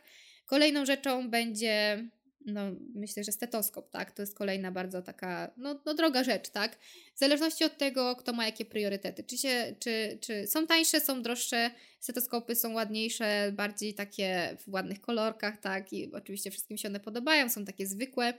E, zależnie, co kto myśli o swojej przyszłości dalej, to można sobie taki stetoskop wybrać. E, ja kupowałam trochę bardziej jakby już porządny, tak? Bo, bo chciałam się też uczyć na konkretnej na konkretnej marce, że tak powiem, tak? Żeby później, kiedy przyjdzie czas, uczyć się na studiach, osłuchiwać jak najwięcej osób w miarę oczywiście możliwości e, i później wracać do tej samej marki, tak? A nie nauczyć się na, na innym stetoskopie, powiedzmy uh-huh. tańszym, który jednak e, inaczej się słucha w danej marce, tak powiedzmy, po prostu ten dźwięk czasami się delikatnie różni, łatwiej się osłuchiwać na tym samym zawsze stetoskopie, przynajmniej w mojej opinii, e, więc kupiłam już stetoskop właśnie takiej marki, żeby później już powielać tylko i, i zostać przy tej samej jednej rzeczy. Więc to mi się wydaje, że takie wyposażenie typu takie szpitalne, tak, że takie wdzianka szpitalne, no to faktycznie trzeba sobie samemu kupić. Jeżeli chcemy mieć certyfikaty językowe, bo w Łodzi też dwa pierwsze lata to jest język angielski medyczny, po którym można podejść do takiego certyfikatu właśnie, który, który będzie potwierdzał naszą znajomość angielskiego medycznego, e, to też jest płatne, także też za to za wszystko trzeba zapłacić e, raczej, raczej mało takich darmowych rzeczy nam się spotkało, mhm. tak mi się wydaje, wydarzyło nam się w trakcie studiowania, raczej się ponosi te koszty. A jak wyglądają te poprawki?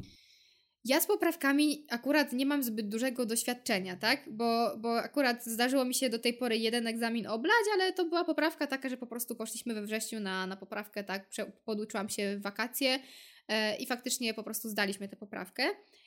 E, z tego co wiem, na pierwszym roku myślę, że najbardziej takie były z tej anatomii, z, histo- z histologii, chociaż bardziej z anatomii, faktycznie takie legendarne po prostu poprawki z wizją, że można tego roku nie zdać.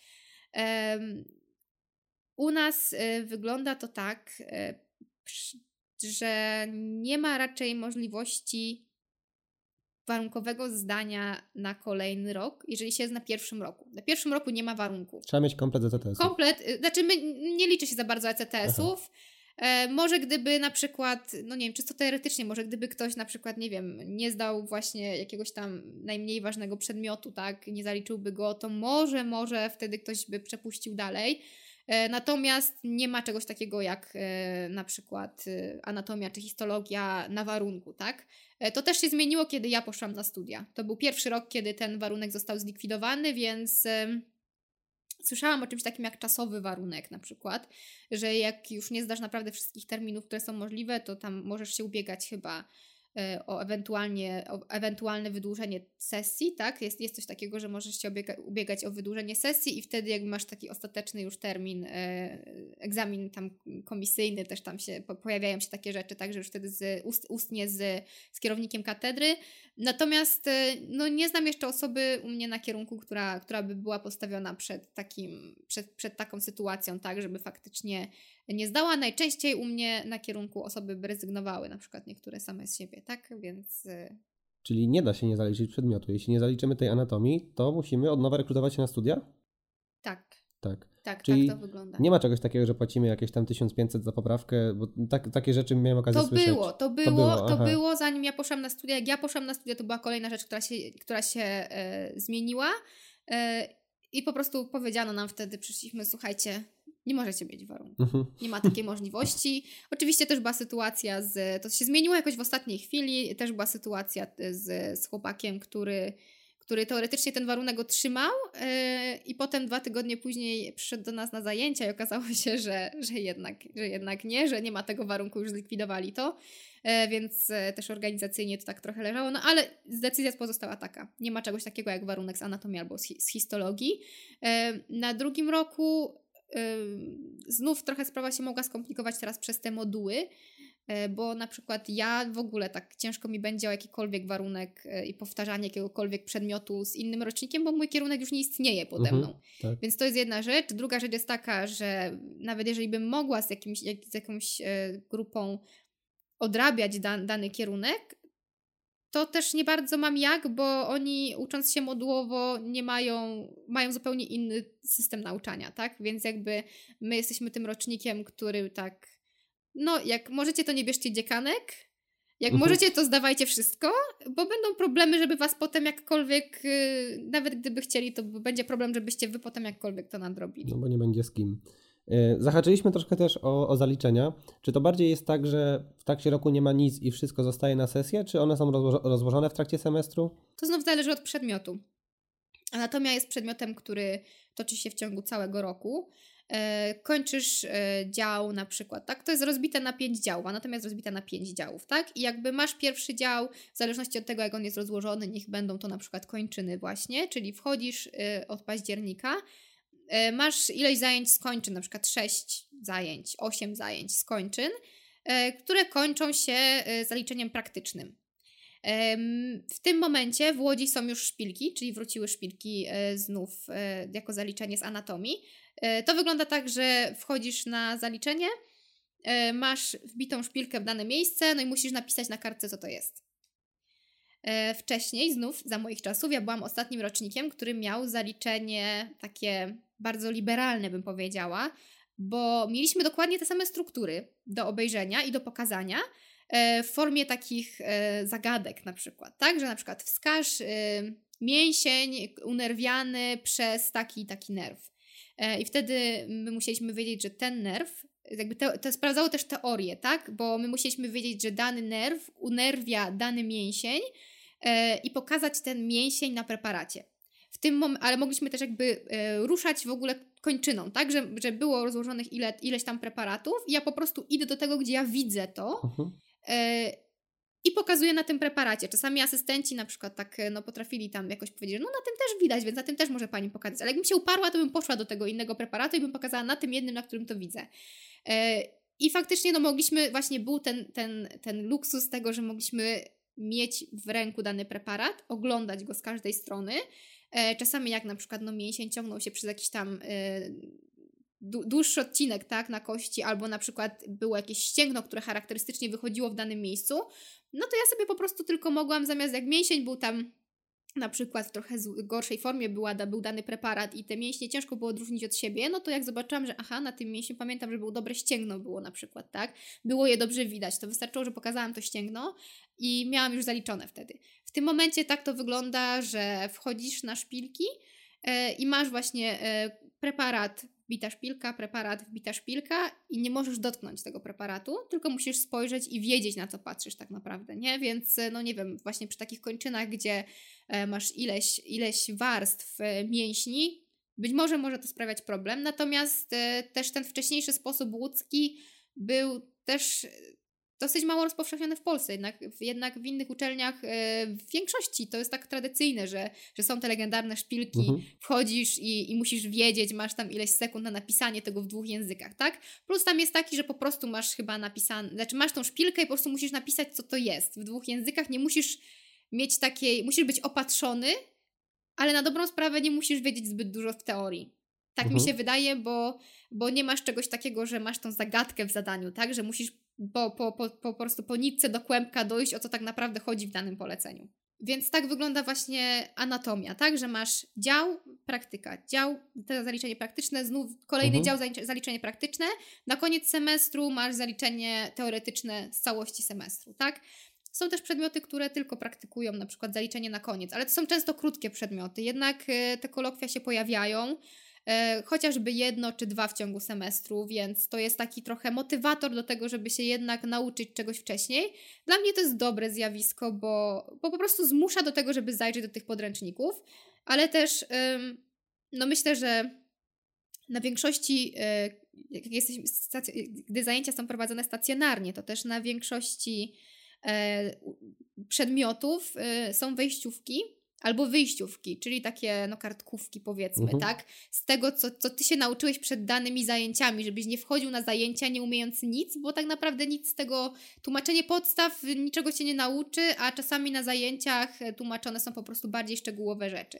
I też często te, te wejściówki trzeba mieć na przykład wszystkie zaliczone, żeby, żeby zostać dopuszczonym do, do egzaminu semestralnego, tak? To nie są już te czasy, kiedy trzeba było zaliczyć wejściówkę żeby być na zajęciach w ogóle, no bo, bo też przez długi czas tak to funkcjonowało, tak, że nie zaliczasz wejściówki, dziękujemy, do widzenia, proszę przyjść z inną grupą. Ale to już są stare czasy. Teraz w tym momencie, e, jak się nie zaliczy wejściówki, to zawsze można ją poprawić. Najczęściej tam w ciągu dwóch tygodni po prostu przychodzimy z jakąkolwiek grupą, e, mówimy o tym, że tak, chcielibyśmy poprawić wejściówkę tutaj z takiego materiału i wtedy, jak ją zaliczymy, to, to oczywiście wtedy można, można przystąpić jakby do pierwszego terminu, na przykład semestralnego, tak? Bardzo różne są te, te kwestie punktowania. Czasami zbiera się punkty na przykład w ciągu całego roku, trzeba zdobyć ileś tam punktów, na przykład z wyjściówek, tak, że musisz mieć zdobytych, e, nie wiem, 20 na 30 punktów, żeby być dopuszczonym do egzaminu albo do zaliczenia. Także e, to wygląda różnie, ale raczej nie ma takiej sytuacji, żeby przedmiot trwał cały semestr, a nie byłoby żadnego kolokwium po drodze. W toku każdych studiów są jakieś praktyki, ewentualnie wolontariaty, yy, czy takie nasze zwykłe działania, które możemy sobie podjąć poza uczelnią. Jak to wygląda w przypadku studiowania Twojego kierunku? Praktyki są obowiązkowe. E, obowiązkowe co roku, trwające miesiąc. E, I za każdym razem, po każdym roku e, te praktyki wyglądają inaczej, to znaczy możemy znaleźć się na innym oddziale. I o ile po pierwszym roku jeszcze to nie są praktyki lekarskie, bo nazywane są praktykami pielęgniarskimi, czyli studenci mają za zadanie przez ten miesiąc nauczyć się jak, najwie- znaczy jak najwięcej z takich podstaw pielęgniarstwa, tak? W moim przypadku to wyglądało od y, tam pobierania krwi po na przykład zmianę pościeli, tak? Albo czyszczenie czegoś, nie wiem, podłączanie kroplówek, zmianę tych kroplówek, coś tam przy węflonach można porobić, tak? Mierzenie ciśnienia, takie najprostsze rzeczy, tak? Czasami nawet, mm, no nie wiem, ja na przykład czasami rozwoziłam jedzenie z, z, e, z paniami jakimiś salowymi na przykład, jak nie było akurat co robić, więc tak wygląda pierwszy rok. Ale praktyki musi zrobić każdy. W tym momencie w pandemii sytuacja trochę się zmieniła i nie wszyscy zrobili praktyki, w tym ja nie robiłam praktyk po drugim roku. Z tego względu, że w moim przypadku te praktyki e, powinny być u lekarza rodzinnego i na sorze. E, Wtedy to jeszcze była sytuacja, gdzie w Łodzi bardzo dużo jednostek, POZ-ów, lekarzy rodzinnych było po prostu zamkniętych, oferowali tylko teleporady, więc e, chciałam, ja, ja chciałam wyciągnąć po prostu jak najwięcej z tych praktyk i stwierdziłam, że może nie warto jest się po prostu pchać na takie odbębnienie tych praktyk, e, tylko zrobić sobie to w przyszłym roku. Więc dostaliśmy jednorazowo, dostaliśmy teraz taką możliwość, żeby tych praktyk e, w te pierwsze wakacje pandemiczne nie robić, natomiast mamy taki warunek, że do końca e, wakacji tych czekających nas w 2021 roku, do końca tych wakacji musimy zrobić całość, jakby nie ma odpuszczania tego materiału, nie ma odpuszczania tych oddziałów, tylko trzeba to po prostu nadrobić. Także mnie teraz czekają dwa miesiące praktyk, chyba że znajdę wolny czas i, e, i zrobimy, zrobię te praktyki na przykład jeszcze w trakcie drugiego semestru, kiedy będę trochę wolniejsza jakoś tak czasowo, e, bo tam wchodzi akurat e, trzy miesiące lekarza rodzinnego i tydzień na sorze, więc, więc to jesteś w stanie zdecydowanie na przykład ten tydzień na sorze, na sorze zrobić sobie e, gdzieś tam e, w trakcie, w trakcie uczelni czy, czy w przerwie majowej, jeżeli ktoś nie będzie miał innych planów. E, Jeżeli chodzi o samą organizację e, praktyk, są szpitale, które mają podpisaną umowę e, z, nasz, z naszym uniwersytetem. E, I wtedy nie trzeba tak naprawdę za bardzo nic załatwiać. E, Trzeba zanieść papiery, tak, umówić się, kiedy przychodzę na praktyki. W tym momencie wchodzę na praktyki i jestem tam przez określoną ilość czasu. Natomiast są, jest dużo szpitali, no bo jakby możesz zrobić w każdym szpitalu tak naprawdę, w każdej jednostce jakiejś tam możesz zrobić e, te, te praktyki, więc są szpitale, które nie posiadają takiej umowy z uniwersytetem. E, Najlepiej jest wtedy sobie zadzwonić e, albo do dziekanatu, albo do szpitala konkretnie zapytać się, czy istnieje taka umowa, czy na przykład w tym roku już była podpisywana e, z daną uczelnią, bo może okazało się, że ktoś już wcześniej składał papiery, już tam te umowy poszły, tak? I, i wtedy już mamy jasną sprawę. Więc, a jeżeli nie, to wtedy informujemy tak na specjalnym tam oświadczeniu, że, że nie ma tej umowy pomiędzy szpitalem a naszą uczelnią i, i wtedy uczelnia zajmuje się tym, żeby ta umowa powstała, no bo bez tej umowy e, nie wejdziemy na, na praktyki, w sensie nie, musi być ta umowa podpisana, chociażby taka czasowa, na przykład na okres wakacyjny, czasami są podpisywane, czasami na rok na przykład są podpisywane i co roku są odnawiane te umowy, jeżeli są chętni, żeby zrobić w danym szpitalu praktyki. E, także tego trzeba się zawsze dowiedzieć, czy jest ta umowa z danym szpitalem. E, I tak w zasadzie to wygląda przez, e, przez, przez 6 lat, tak? Czyli, czyli co roku mamy praktyki na innym oddziale. E, to też sobie zawsze można tam doczytać, tak? To będą oddziały jakieś wewnętrzne, to będzie też jakaś na przykład ginekologia, tak? Różne takie rzeczy, więc, więc co roku jest coś innego i myślę, że jak się trafi w dobre miejsce, to, to nie trzeba się, nie, nie, nie będzie się człowiek nudził zdecydowanie na tych praktykach, tak? Jeżeli chodzi o jakieś inne formy nauki takiej bardziej właśnie praktycznej, no to zawsze jest e, możliwość e, wolontariatu, na przykład w szpitalu, zawsze jest możliwość chodzenia na dyżury z SKN-ów, czyli ze szkół naukowych, bo często będąc członkiem takiego koła naukowego, wy, wychodzą listy i, i, widzimy na przykład w danym szpitalu, tak, mamy iluś tam lekarzy, tak, oni dyżurują w ten i w ten dzień, mamy, otrzymujemy ich grafik, po prostu można wtedy sobie parami wchodzić na te dyżury. E, no i bym powiedziała, że to jest taka gratka, żeby się nauczyć jak najwięcej takiej praktyki, tak? Szczególnie jeżeli pójdziemy na taki oddział, który już nas zaczyna powoli interesować w kierunku specjalizacji. E, więc, e, więc tak, trochę, trochę jest tych możliwości. Też oczywiście są możliwości praktyk zagranicznych, czy to z Erasmusa, który w sumie działa na wielu uczelniach, czy to z IFEMSy, czyli z takiego Międzynarodowego Stowarzyszenia Studentów Medycyny, tak? E, więc zależy, zależy, co jest dla kogo, tak? Wiem się, że, że trzeba zbierać punkty, e, żeby móc za te punkty wybrać się na praktyki zagraniczne, e, ale jakby te punkty otrzymujemy za konkretne akcje, które się wtedy, które się, które się dzieją, tak? Teraz IFEMSA wydaje mi się troszeczkę takim no trochę takim wymarłym powiedzmy y, tworem na czas pandemii, bo ciężko bardzo jest y, teraz cokolwiek zorganizować, bo te akcje wyglądały w ten sposób, że na przykład zbierała się liczba osób, y, szła na przykład do galerii handlowej, za darmo mierzyła ciśnienie na przykład ludziom, tak? Mogli sobie zmierzyć ciśnienie. Albo grupy zbierały się, organizowały jakieś przedstawienia dla dzieci, czytały książki dzieciom gdzieś tam w szpitalach na przykład i za to można było sobie te punkty jakoś ułożyć i, i zdobyć. E, więc w tym momencie być może na przykład Erasmus byłby fajniejszą opcją. E, przy czym byłam ostatnio na jakimś e, spotkaniu organizacyjnym Erasmusa i też już usłyszałam taką informację, że mm, do tej pory można było zdobyć listę placówek, z którymi uczelnia współpracuje, takich medycznych na, na całym świecie. E, natomiast w tym momencie trzeba się e, samemu kontaktować z wybranym szpitalem w wybranym kraju z zapytaniem, czy jest możliwość, żebym ja, student Uniwersytetu Medycznego w Łodzi, odbył tutaj praktyki mhm. wakacyjne, interesuje mnie to i to, i wtedy tam jeszcze ewentualnie się chyba dosyła jakieś CV. E, I trzeba to załatwiać na własną rękę, więc to jest troszeczkę utrudnienie w tym momencie. Ta wiedza, którą zdobywamy, ona jest uniwersalna, jeśli chodzi o kraj, w którym byśmy mogli pracować. Tak, uczymy się po angielsku, polsku, łacińsku, i jest dość łatwo na przykład docelowo pracować za granicą? Tak i nie, bo bardzo, równie, bardzo równe są e, programy medyczne na poszczególnych uczelniach. E, równe pod względem godzin, czasami pod względem przedmiotów. I oczywiście te, te przedmioty takie teoretyczne, tak, e, których się uczymy powiedzmy przez trzy pierwsze lata, no są bardzo podobne, natomiast są, są różnice, które są znaczne na niektórych uczelniach. E, I tutaj jest kwestia, jeżeli chodzi o pracę, no to musimy sobie znaleźć kraje, w których e, polski dyplom ukończenia e, jest uznawany przez, przez tamtejsze placówki medyczne, tak? Są też spisy w internecie i to są niektóre kraje, wydaje mi się, że część, część z Hiszpanii, trochę we Włoszech, widziałam nawet gdzieś tam w Wielkiej Brytanii chyba, ale tego nie jestem na 100% pewna, także myślę, że, że w internecie można sobie zerknąć na listę tych krajów, które e, jakoś tak respektują te nasze e, dyplomy, które my zdobywamy tutaj w Polsce. Jeżeli byśmy chcieli e, pracować za granicą, w kraju, który nie respektuje czegoś takiego, e, no to trzeba wtedy zdawać konkretne egzaminy na przykład, e, żeby, żeby otrzymać dyplom, który obowiązuje w tamtym uh-huh. kraju. Okay. I to jest, to, jest, to jest ciężka praca i naprawdę dla wytrwałych osób, więc jeżeli, jeżeli myśli się o studiowaniu w Polsce, a pracy za granicą, e, no to na przykład tutaj często chyba Niemcy są takim wyborem, bo wydaje mi się, że Niemcy respektują nasz, nasz dyplom i, i to jest najłatwiej, bo to jednak jest blisko jakby kraj sąsiedzki, e, także Także dużo osób dlatego wyjeżdża do Niemiec, ale te listy są zdecydowanie dostępne, no i trzeba się przygotować na to, że jeżeli e, z Polski chcemy wyemigrować gdzieś tam dalej, no to to wtedy, e, to wtedy trzeba się przygotować, że ta lista krajów jest tak naprawdę ograniczona. Dobrze.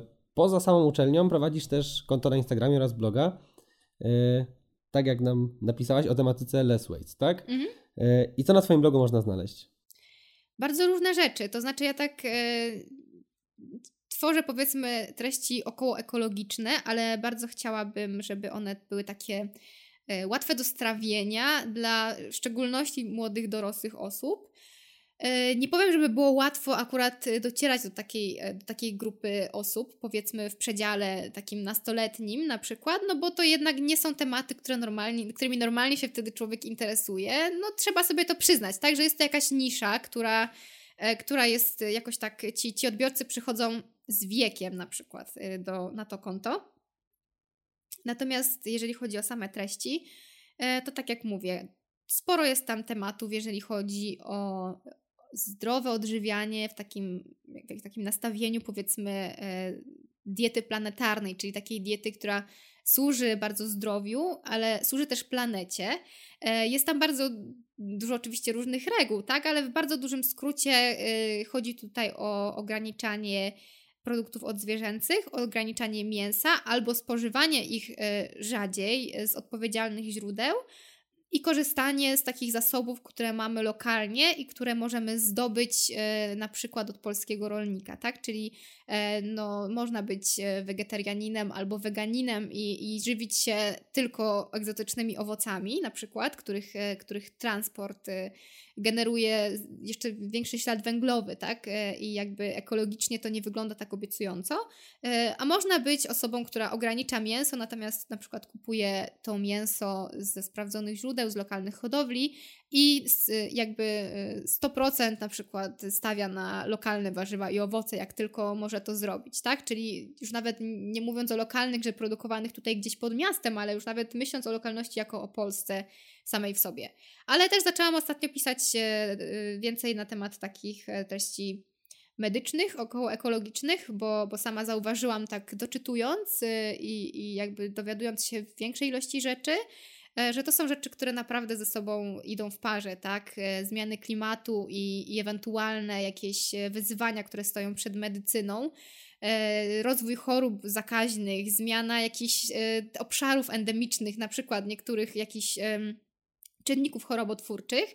Już w tym momencie obserwuje się na przykład, że, że, że komary, które które y, są, są y, prze, przenoszą jakby z zarodźca malarii, tak?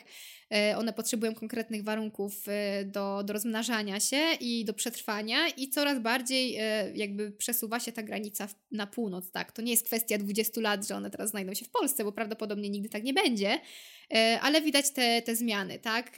Zanik sezonowości na przykład, pół roku, takich konkretnych pół roku, tak jak u nas powinny być no już nie mówię o tych, y, o tych przedwiośniach i, i, całej reszcie, tak, ale, ale chociaż o tych czterech konkretnych porach roku, które, których granice się coraz bardziej zacierają w, w kontekście jakby takiej pory zimnej i pory ciepłej, w bardzo już takim dużym uproszczeniu, e, też sprawia, że, że mamy, że, że ma, możemy mieć w przyszłości problemy z niektórymi drobnoustrojami, na przykład z grypą, e, która wykazuje bardzo dużą sezonowość, jeżeli o to chodzi. Także, także sporo jest około, e, około medycznych, ekologicznych treści, dużo jest o etycznej modzie, e, którą w sumie fajnie byłoby rozwijać, bo, bo to jest taki, e, taki, taki temat, którym z jednej strony można dotrzeć do młodych osób, a z drugiej strony też jest bardzo ciężko, bo jednak wydaje mi się, że będąc młodą, dorosłą osobą, jeszcze, jeszcze cię, cię, cię, ciężko nam jest wyjść z tej takiej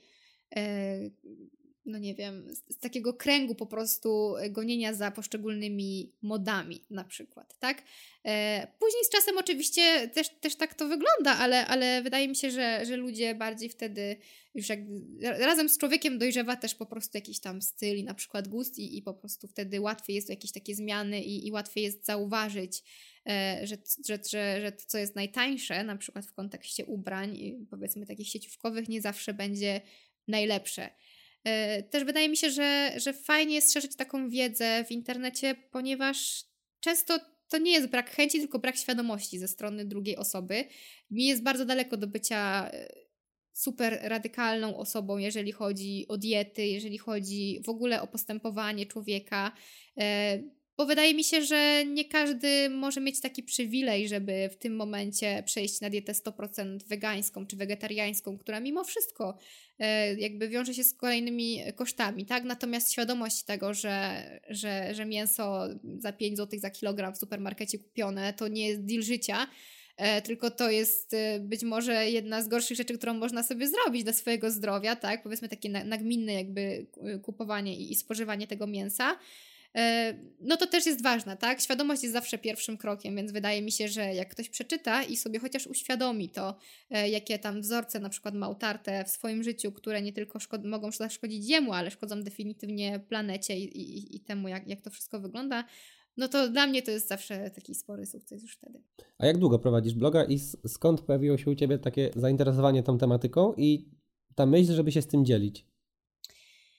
To się wszystko składa trochę jak puzzle, jak taka układanka, ze względu na to, że y, ja nie byłam nigdy jakoś bardzo y, proekologicznie nastawioną osobą. Wydaje mi się, że jeżeli chodzi na przykład o temat mody etycznej, no to w ogóle byłam zupełnym przeciwieństwem, ale wszystko zmieniło się w trakcie gap year, kiedy pracowałam w sklepie I faktycznie no, siedziałam przez 8 godzin na kasie, bite 8 godzin na kasie, tak? I po prostu skanowałam kolejne produkty, skanowałam kolejne produkty. E, gdzieś tam obijało mi się o uszy stwierdzenie zero waste, jeszcze wtedy less waste nie było, tylko takie radykalne zero waste, czyli zero odpadów. E, I, I przeczytałam jakiś artykuł w jednym z takich bardziej kojarzonych kulinarnych magazynów, gdzie, gdzie opisywano to zjawisko zero waste. Ta pani, która pisała akurat ten artykuł, była dosyć taka. Um, negatywnie nastawiona do całego ruchu ze względu na to, że, że pisała tam właśnie, że, że zgodnie z ruchem Zero Waste to ona ma teraz łyżkę śmietany w kubku w lodówce i to co teraz? Ona powinna y, kupić sobie wszystkie składniki do tego, bo tak jej mówią y, jakby ruchy Zero Waste, teraz powinna kupić sobie wszystkie składniki do tego, żeby z tej łyżki jednej śmietany cokolwiek zrobić, tak? Więc moja myśl pierwsza od razu była wtedy, no faktycznie najłatwiej to byłoby chyba tę łyżkę śmietany po prostu zjeść, nie? I nie dokupować tam niczego. To chyba byłoby takie najprostsze do tego do, tego wszystkiego. E, ale tak, najwięcej dało mi chyba pracowanie w sklepie i moment, w którym zaczęłam jakby orientować się, ile plastiku takiego jednorazowego jest używane codziennie w każdym sklepie. Ile odpisuje się warzyw i owoców, bo są na przykład y, zepsute, bo są nieładne, bo nikt ich nie, nie, chce kupić, mimo że są całkowicie dobre, tak jak na przykład gdzieś tam zbrązowiałe banany, tak, które już nie wyglądają apetycznie i estetycznie, Natomiast są zupełnie dobre i można byłoby, można byłoby je z powodzeniem zjeść. Więc ten plastik w sklepie na kasie, kiedy rzeczywiście przewijałam każdą cytrynę opakowaną w osobną foliówkę, jedna marchewka, jeden seler, jedna pietruszka, wszystko w osobnej reklamówce. I wtedy zaczęłam się zastanawiać trochę bardziej nad tym. Nie powiem, żebym jakoś bardzo czytała w internecie na ten temat. Jakoś chyba zaczęłam po prostu tak e, na bazie własnego doświadczenia i tego, co widziałam, starałam się po prostu tego nie robić. To, co widziałam, starałam się tego nie robić. E, a później jakoś tak y, po, po, po tym, jak się dostałam na studia, y, po, po pierwszym roku e, tak naprawdę, czyli w sumie już y, no ponad rok temu, rok z dużym hakiem takim, tak mi się wydaje. E, wtedy zaczęłam tak sobie myśleć, że a co gdyby na przykład założyć sobie takiego Instagrama, może nie masz tak dużo takich osób w internecie, może założyć jakiegoś bloga, ciekawe jak można by było to zrobić. E, I wtedy właśnie tak usiedliśmy e, z, z chłopakiem i, i zaczęliśmy nad tym myśleć, zrobiliśmy stronę internetową e, i wtedy zaczęłam sobie tak powoli, powoli się rozkręcać w tej tematyce instagramowej. Ale no nie były to jakoś bardzo łatwe początki to wydaje się, że ma się bardzo dużo do powiedzenia, a w momencie, w którym trzeba coś powiedzieć, okazuje się, że, że po prostu nie ma się żadnej myśli absolutnie w głowie, y, że wszystko już zostało powiedziane, tak nam się wydaje, bo okazuje się, że tych kont nagle jest 500, a nie tak. 5 i że ta nisza jest już taka dosyć mocno zapełniona, bo, bo nie tylko ja myślę tak kreatywnie i zakręcam się w takim, w takim temacie hobbystycznie, tylko jest to ileś osób, które myśli bardzo podobnie, e, tak jak ja. E, no i też zawsze tą barierą na początku jest, e, nie wiem, brak, brak osób, które cię obserwują, e, brak, brak takiego odzewu, że, że piszesz te swoje posty praktycznie, że w eter, tak? No chyba, że podzielisz się tym swoim kontem ze znajomymi, no to zawsze jest szansa, że ktoś z twojego prywatnego Instagrama przyjdzie i się zaobserwuje, czy to po to, żeby pooglądać, czy po to, żeby się czegokolwiek nauczyć. E, więc tak, te początki wyglądają dokładnie chyba u wszystkich w ten sam sposób, e, no chyba, że ma się już wymyślony, obmyślony jakiś już taki konkretny plan działania na jakąś działalność biznesową na przykład, e, no to być może, być może wtedy to wygląda trochę inaczej, że, że, że zaczyna się w trochę inny sposób. Też są wszystkie konta na Instagramie, które pomagają w takim rozkręceniu swoje, swojego własnego bloga i swojej własnej marki, no ale one już są trochę bardziej skierowane pod takie właśnie biznesowe działania, pod małe firmy, które chcą się rozwijać, sprzedawać swoje produkty i to, jak zrobić takiego Instagrama, żeby ludzie wchodzili, zostawali, no i jeszcze kupowali te produkty od nas. Natomiast ja nie mam zupełnie takich ambicji. Czyli w Twoim wypadku to jest hobby, to nie jest metoda na zarobek? Nie, myślę, że myślę, że nie. Nie myślałam o tym nigdy w ten sposób. Y, raczej traktowałam to dość luźno, korzystając z tego, z takich zasobów, które mam w tym momencie, czyli E, no nie chcę tutaj w jakiś sposób po prostu się przechwalać, bo to moje konto też nie jest jakoś e, wybitnie duże, tak? Ale, ale jakoś tak e, wiedziałam zawsze, że potrafię pisać lekko, także ludziom się to wygodnie czyta, że potrafię przytaczać trudniejsze sprawy i tak po prostu je opisywać, żeby można było to zrozumieć. Nie jestem radykalna w tym, w tym co mówię i rozumiem, że, że każdy człowiek ma jakąś swoją drogę i w danym momencie daje z siebie tyle, ile może, natomiast właśnie jestem mocno nastawiona na tą, na tą świadomość E, tego, co, co się kryje za konkretnymi wyborami. E, więc stwierdziłam, że fajnie byłoby to zrobić, szczególnie, że, że właśnie trochę tworzyłam jakichś przepisów, e, trochę miałam już przemyśleń, doświadczenia i w Zero Waste, i, i w tej etycznej modzie, gdzie sama jak zaczynałam się tym interesować, to po prostu bardzo ciężko było mi wydrzeć jakiekolwiek informacje, szczególnie na temat etycznej mody. I myślę, że bardzo dużo, pomyślałam o tym, że bardzo dużo osób się odbija, nawet jeżeli chce coś takiego zrobić, a odbija się od ściany, gdzie otrzymuje 150 różnych rad na temat tego, jak kupić dobrze bluzkę, t-shirt, tak? A w tym momencie potrzebny ci jest po prostu t-shirt i jak, jak zdarł ci się jeden i potrzebujesz w tym momencie kolejnego, E, no to ciężko, ciężko ci jest nagle po prostu sprawdzić 150 marek. E, najlepiej po prostu e, kupić ze wszystkimi certyfikatami, a nawet nie wiesz, co to są za certyfikaty. Nie wiesz, gdzie masz szukać, bo przecież to nie są marki, które są w mainstreamie. To nie jest Zara, i to nie jest Zara i nie, nie jest to H&M, tak? Żebyś, żebyś wiedział, że możesz tam pójść i i kupić sobie super etyczną bluzkę, tak? Więc ja zaczęłam trochę, trochę swojego własnego researchu robić.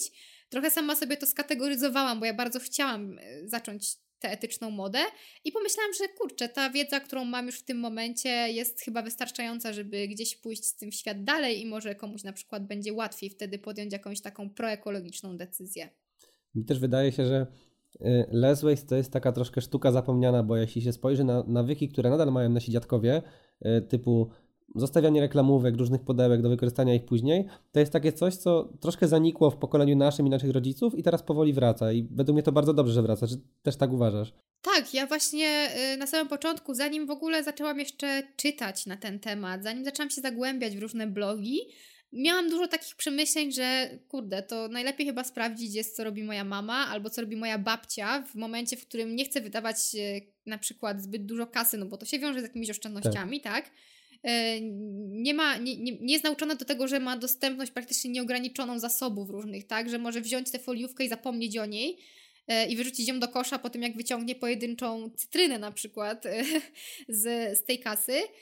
Boże, z tej, z tej foliówki, więc myślę, że myślę, że to mnie na początku bardzo dużo nauczyło taki boom, który nastąpił w tym całym ruchu Zero Waste czy Less Waste, no polegał właśnie na wszystkich takich wypasionych, różnych woreczkach wielorazowych, e, różnych gadżetach, tak, no bo zawsze w każdym ruchu, który zdobywa popularność, no mamy ten boom, w którym jakby są firmy i jakby nadal chodzi o sprzedaż, co dla mnie na przykład y, też jakby trochę przeczyło samemu temu ruchowi, tak? Bo skoro ja mam butelkę która całkiem nieźle sobie radzi w tym momencie, to dlaczego mam kupować super piękną butelkę, e, która jest sygnowana przez markę Zero Waste, tak? Albo dlaczego mając w domu jeszcze gdzieś za nadrzu parę plastikowych słomek i tak wiem, że one są niezbyt dobre e, i nie powinnam ich kupować, no ale jeżeli mam je w domu, no to co mam z tym zrobić? Mam teraz jechać po, po metalowe słomki, które będą mi super służyć, ale te nadal będą zalegać? No raczej mam takie podejście, żeby używać tego, co już jest, po prostu. Wielokrotność przede wszystkim, tak? Mhm. Więc, y, więc, więc zgadzam się z Tobą w, tym, co mówisz, że, że to jest czynność, która już jest trochę zapomniana, jest styl życia, o którym już nie myślimy tak bardzo, chociaż to się zmienia teraz już. Czy podczas studiów udaje Ci się pracować? Pracuję nadal w supermarkecie, już nie tym samym, w którym pracowałam w trakcie Gapier, ale, ale tak trochę przypadkowo zaczęłam pracować na drugim roku. Trochę ze względu na to, że ja szukałam pracy wakacyjnej, ale bardzo ciężko było mi ją znaleźć, szczególnie, szczególnie w okolicy. E, to był jeden czynnik. Drugi czynnik był taki, że to, co zaoszczędziłam będąc na Gapier, trochę zaczęło już mi się uszczuplać po pierwszym roku, po tych dużych wydatkach, które były przede mną, więc pomyślałam sobie, że może fajnie byłoby gdzieś tam sobie popracować, ale też nie myślałam o tym aż tak bardzo. U mnie to była kwestia przypadku, że właśnie starałam się o pracę wakacyjną, e, wypełniłam formularz e, tym razem w, w Lidlu taki rekrutacyjny i oddzwoniono do mnie e, z, właśnie z pytaniem o pracę. Ja od razu powiedziałam, że, że chciałabym pracować na wakacje. Okazało się, że to nie jest możliwe i, i wtedy jednak ze względu na to, że miałam to doświadczenie takie już cenione u nich, czyli powyżej roku w, jakby w branży, E, no to wtedy zaczęto mi proponować właśnie e, konkretne etaty, tak? Czyli mogłam sobie wybrać 20%, 30%, 40%, naprawdę to, co mi się tam podobało. Zaczynałam od 20% e, w sklepie, teraz pracuję na 30%, ale to taki właśnie, właśnie bonus i, i myślę, że fajne doświadczenie. Wspomniałeś, że kierunkiem, w którym chcesz się dalej rozwijać jest medycyna stylu życia. Myślę, że tutaj jej opis już przewinął się wcześniej w naszej rozmowie, ale czy da się ją jakoś, jest jakaś taka definicja? Definicja jest, y, natomiast najprościej jest pomyśleć o tym, że medycyna stylu życia to taka dziedzina medycyny, która chciałaby bardzo y, patrzeć na pacjenta holistycznie, czyli e, trochę inaczej niż to teraz, niż jest możliwość patrzenia na przykład na oddziale, tak, że e, bardzo mocno chcieliby, chci, znaczy myślę, że wszyscy le, jakby lekarze, przyszli lekarze by chcieli, tak, ale medycyna stylu życia bardzo mocno naciska na prewencję chorób, w szczególności chorób cywilizacyjnych. E, I to się od, e, od, odby ma odbywać na kilku takich e, filarach, które, które są w założeniu jakby medycyny stylu życia, jakby ich promowanie jest w założeniu medycyny stylu życia, czyli e, po pierwsze jakby walka z, z spaleniem tytoniu, e, w szczególności no i z, i z, un, z innymi używkami, ponieważ jest to naukowo udowodnione, że tak naprawdę palenie papierosów onkologicznie, jeżeli mówimy na przykład o nowotworach, to, to mamy ryzyko dla danej grupy, na przykład wiekowej, dla danej płci, zachorowania na dany jakiś tam e, nowotwór, więc jak mamy to ryzyko dla konkretnej osoby, to jeżeli ona pali papierosy, to od razu ryzyko wzrasta o ileś tam procent, tak? To dla, dla jakby dla, dla każdej jednostki chorobowej to może być trochę inaczej, natomiast e, palenie papierosów jest po prostu takim czynnikiem, który e, który faktycznie totalnie zwiększa e, ryzyko zachorowania, przebieg e, chorób wtedy może być oczywiście e, cięższy. Więc to jest jedna rzecz. Druga rzecz to jest odżywianie, czyli nawet nie tyle jedzenie i dieta, co odżywianie swojego ciała, czyli dostarczanie mu niezbędnych wartości odżywczych w możliwie taki najprostszy sposób, najbardziej zbilansowany. Więc medycyna stylu życia też będzie opierała się na promowaniu mniejszej ilości mięsa, niekoniecznie może na całkowitym jego ograniczaniu, tak, ale zdecydowanie mniejszej ilości mięsa mniejszej ilości produktów odzwierzęcych, większej ilości e, warzyw i owoców, e, zgodnie z tym, co jest sugerowane przez, przez różne stowarzyszenia takie dietetyczne, tak? Czyli co roku ukazuje się E, talerz, talerz, który jak powinien być komponowany talerz, tak, sposób kompozycji jego w tym momencie na przykład już też zwiększona została w tym talerzu ilość warzyw, czyli teraz już w tym roku y, sugerujemy, żeby, żeby ilość tych warzyw na talerzu była na przykład y, stanowiła połowę całego posiłku, tak. No myślę, że jak każdy teraz spojrzy na to, jak wygląda jego talerz albo talerz jego rodziców, E, no to zdecydowanie to odbiega od normy i to już nawet od tej normy takiej powiedzmy e, zaprzeszłej, tej, której już nie używamy, tak?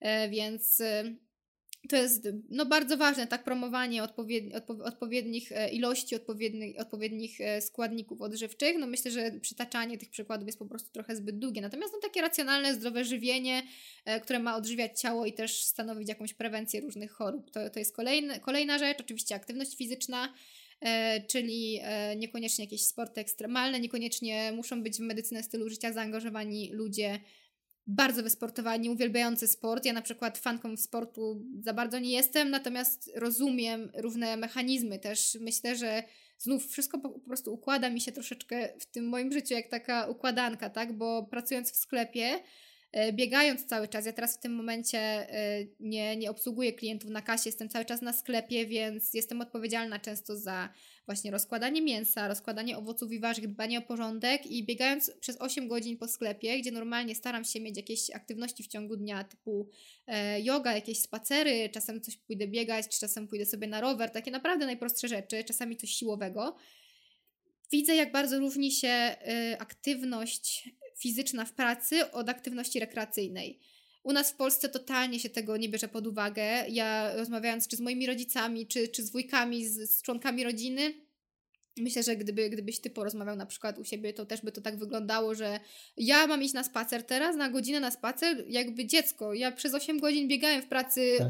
od drzwi do drzwi, ja to już bym tylko chciał usiąść po prostu i nic nie robić. No i najczęściej tak to się kończy, tak, że przychodzimy z pracy po 8 godzinach i ja widzę to też po sobie, jest mi tak trudno wtedy załapać jakąś aktywność fizyczną, a pracuję fizycznie dwa razy w ciągu tygodnia, tak? To nie jest pięć dni w tygodniu, tylko to są dwa dni w ciągu tygodnia maksymalnie. E, I ja wtedy po sobie widzę, jak ciężko jest mi się zebrać do tego. E, I znów na przykład dobrą, dobrą miarą dla mnie jest, jak, jak szybko zachodzą te zmiany w organizmie pod wpływem takiej niezrównoważonej pracy, gdzie mając tysiąc obowiązków na głowie. Myślę, że nikt z nas chyba e, zna w teorii oczywiście to, jak powinnam podnosić ciężary, że to nie powinno iść z kręgosłupa, tylko powinno iść z nóg. Natomiast w praktyce myślę, że absolutnie nie myślę o tym, kiedy mam na głowie ileś obowiązków, e, jakby tłum ludzi na sklepie i po prostu jeszcze zostanę na przykład jedna, jedna jedyna na tym sklepie i wtedy po prostu wszyscy do mnie schodzą. Więc ja absolutnie o tym nie myślę i myślę, że inni też mają problem z tym, żeby zachowywać te prawidłowe zasady takiego bezpiecznego pracowania fizycznego. Stąd y, ten nacisk na ruch rekreacyjny jest tak ważny y, w życiu. W sumie nawet wśród uczniów, tak? Przecież siedzimy cały czas przy biurkach, siedzimy cały czas przy komputerach, szczególnie teraz w pandemii. E, w ogóle teraz e, WHO zaleciło już większą dawkę ruchu na, na, na czas tej, tej pandemii, tak? Bo, bo ludzie po prostu są przyklejeni do krzeseł. Dla mnie to jest naprawdę bardzo ciężka rzecz do sam, sam, samej dla siebie do wytrzymania, tak?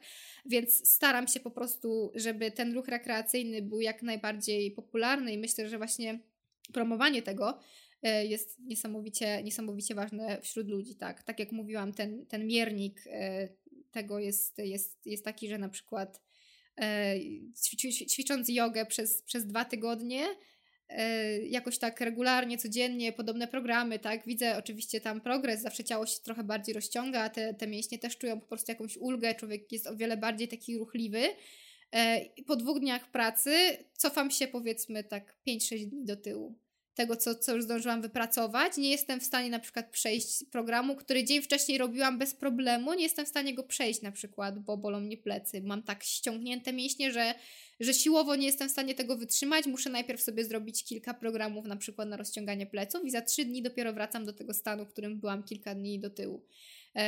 No i cóż, jeszcze oprócz tego wydaje mi się, że radzenie sobie ze stresem, sen i ogólnie takie, takie, takie życie w społeczeństwie z naciskiem też na, na jakieś e, zaburzenia natury takiej e, no, psychicznej, które, które coraz bardziej nękają no, młodzież i też, też starsze osoby, tak. Nie tylko, nie tylko osoby w średnim wieku, tak, z którymi kojarzymy jakoś, jakąś depresję, nie wiem dlaczego, ale, ale bardzo często teraz przez, przez to przez to, jakiś, pod jaką presją, wydaje mi się, żyjemy, coraz, coraz częstsze są te, te, te zaburzenia y, wśród, wśród osób, ale myślę, że no nie jestem aż tak kompetentną osobą, żeby się na ten temat wypowiadać akurat w, ty, w tym kierunku. Natomiast muszę przyznać, że, że one istnieją i to nie tylko, to nie jest tak, że, że osoby, które na pierwszy rzut oka wydają się super twarde psychicznie, nie mają tych problemów i na studiach medycznych też są osoby, które się z takimi rzeczami zmagają. A czy medycyna stylu życia to jest coś, co może być naszą pracą zawodową? W sensie, kim możemy zostać? E, na razie nie ma takiego y, zawodu jak e, medycyna stylu życia. Zdaje mi się, że już można się powoli specjalizować e, jako drugi stopień, na przykład niektórych studiów. Chyba powoli wydaje mi się, że przy zdrowiu, w zdrowiu publicznym chyba można już powoli tam wchodzić w taki stopień specjalizacji. Natomiast y, zasadniczo wygląda to tak, że E, medycyna stylu życia nie jest na przykład specjalizacją lekarską. Nie ma czegoś takiego jeszcze, bo myślę, że to się będzie rozwijało, tak? To jest dosyć nowy nurt, ale bardzo dobrze się rozwijający w Polsce.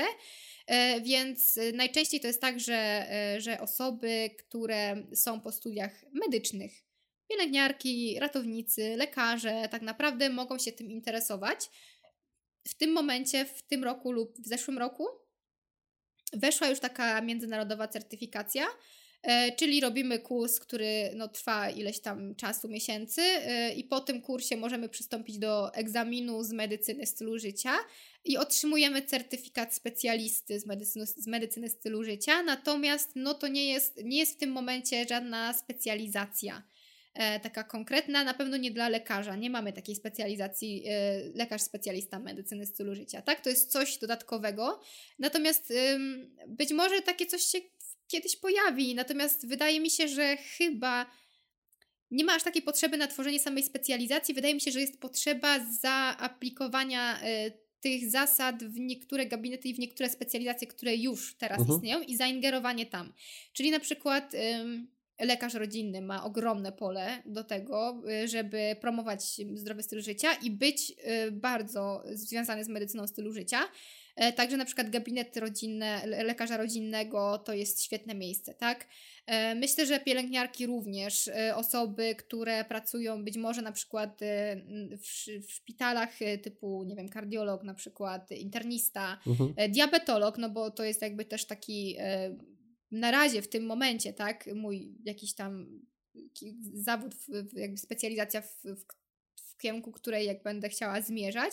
Więc myślę, że tutaj też jest, y, też jest duża, duże pole do popisu. To jest też tak, że osoba, która kręci się w, w, w, w medycznym świecie, tak, studiuje albo już, już ma ten zawód, no niekoniecznie musi promować, znaczy musi być świadoma wszystkich tych, e, tych kroków, natomiast niekoniecznie musi promować wszystkie mieć wiedzę ogromną na temat wszystkiego, tak?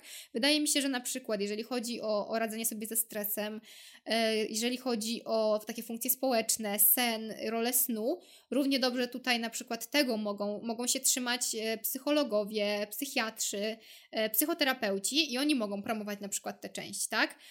Osoby, które zajmują się medycyną sportową, medycyną rodzinną, mogą spokojnie mówić o, o paleniu, o, o odżywianiu, tak, o, o ważności aktywności fizycznej. Także wydaje mi się, że to jest taka działka, która obejmuje bardzo holistycznie człowieka, natomiast y, nie każdy musi być ekspertem w każdej dziedzinie i nawet jeżeli nie ma się ambicji na, taką, na takie certyfikowanie się w tym kierunku, to warto sobie poczytać y, badania naukowe, warto sobie sprawdzić, y, jak, jak to wygląda po prostu, w jaki sposób można promować te, te różne zachowania i wdrażać to w życie, szczególnie w momencie, w którym no bardzo dużo medyków jest już w social mediach, e, na Instagramie, na YouTubie, na Facebooku. E, to jest świetne pole do tego, żeby e, szerzyć taką wiedzę, na którą nie ma się czasu w gabinecie, bo też nie oszukujmy się, że nie ma się czasu w gabinecie na coś takiego, ale, ale takie po prostu szerzenie takiej wiedzy w internecie myślę, że to też jest przyszłość.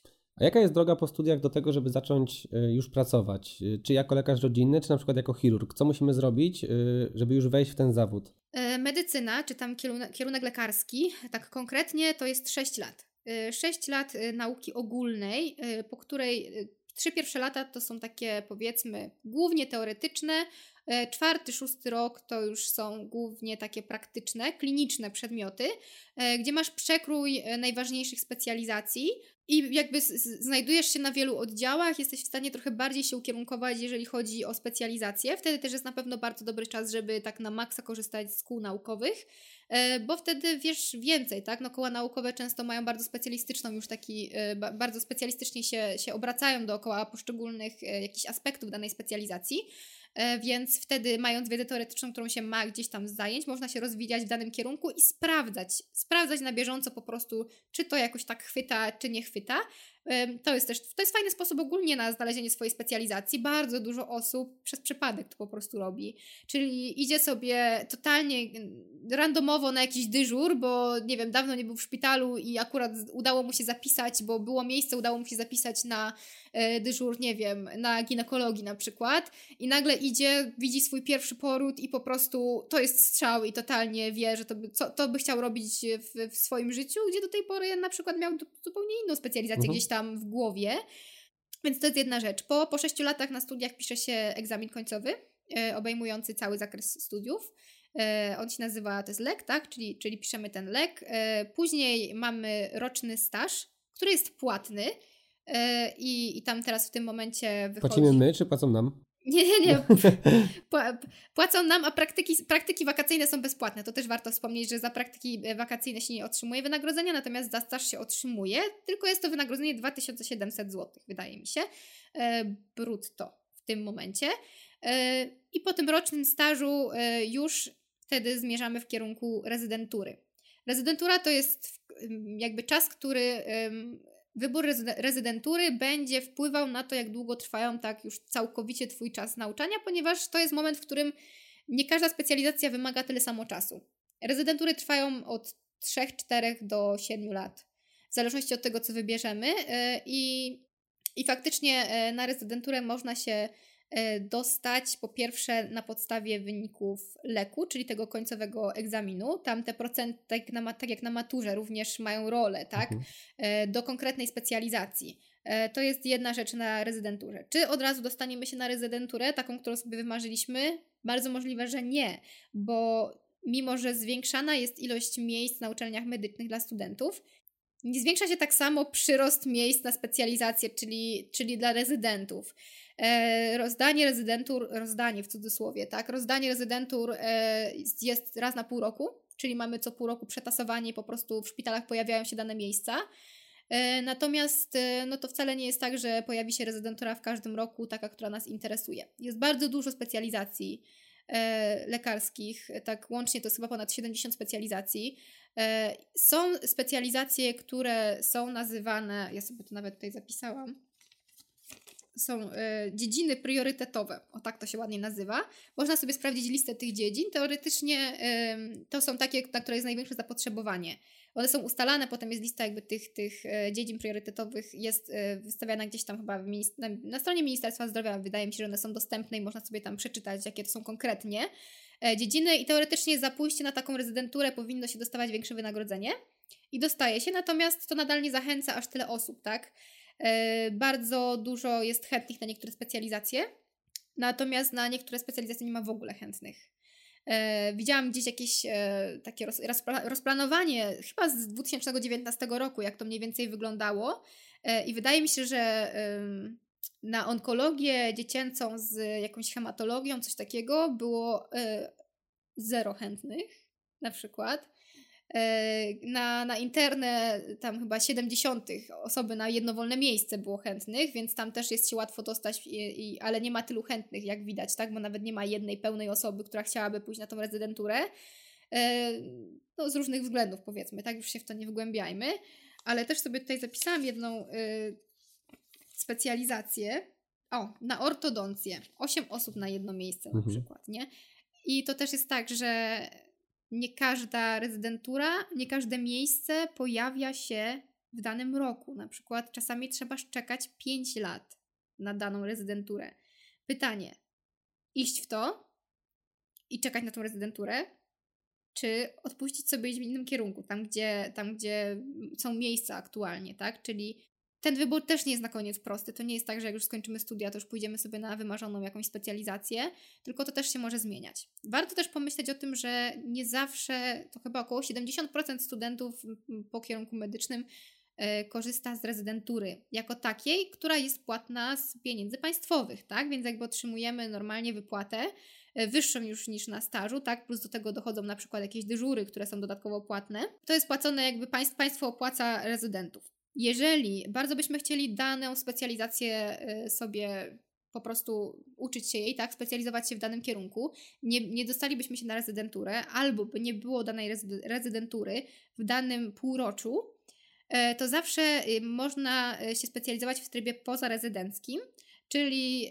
w, w takiej sytuacji, że piszę, kontaktuję się z danym szpitalem, czy y, nie potrzebują tutaj rezydenta na przykład. Nie ma miejsca takiego stricte opłacanego przez, y, przez, przez ministerstwo i przez państwo, natomiast y, czy nie poszukują rezydenta i wtedy to jest uzależnione po prostu, jeżeli powiedzą Ci, że, że tak, że fajnie, potrzebujemy na przykład rezydenta w tym momencie na pediatrii, e, e, e, i proponujemy Ci tyle i tyle pieniędzy. W sensie to jest wtedy uzależnione od tego, ile szpital chce Ci zaoferować i jaki szpital ma budżet na takiego rezydenta, żeby Tobie płacić za to tak naprawdę.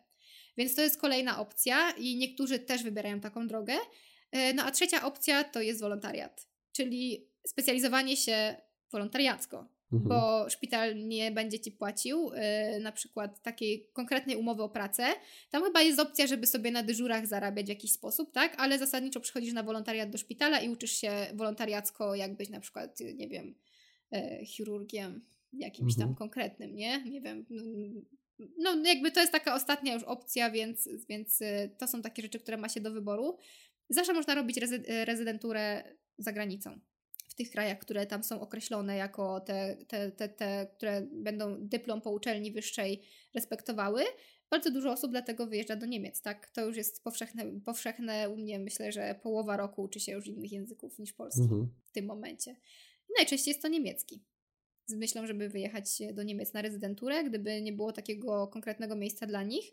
E, część z myślą, że zostanie później kiedyś w Polsce, tak? No Niemcy to jest taki kraj, w którym jakby no nie masz daleko, możesz wrócić do rodziny na święta, na weekend, nie ma takiego problemu.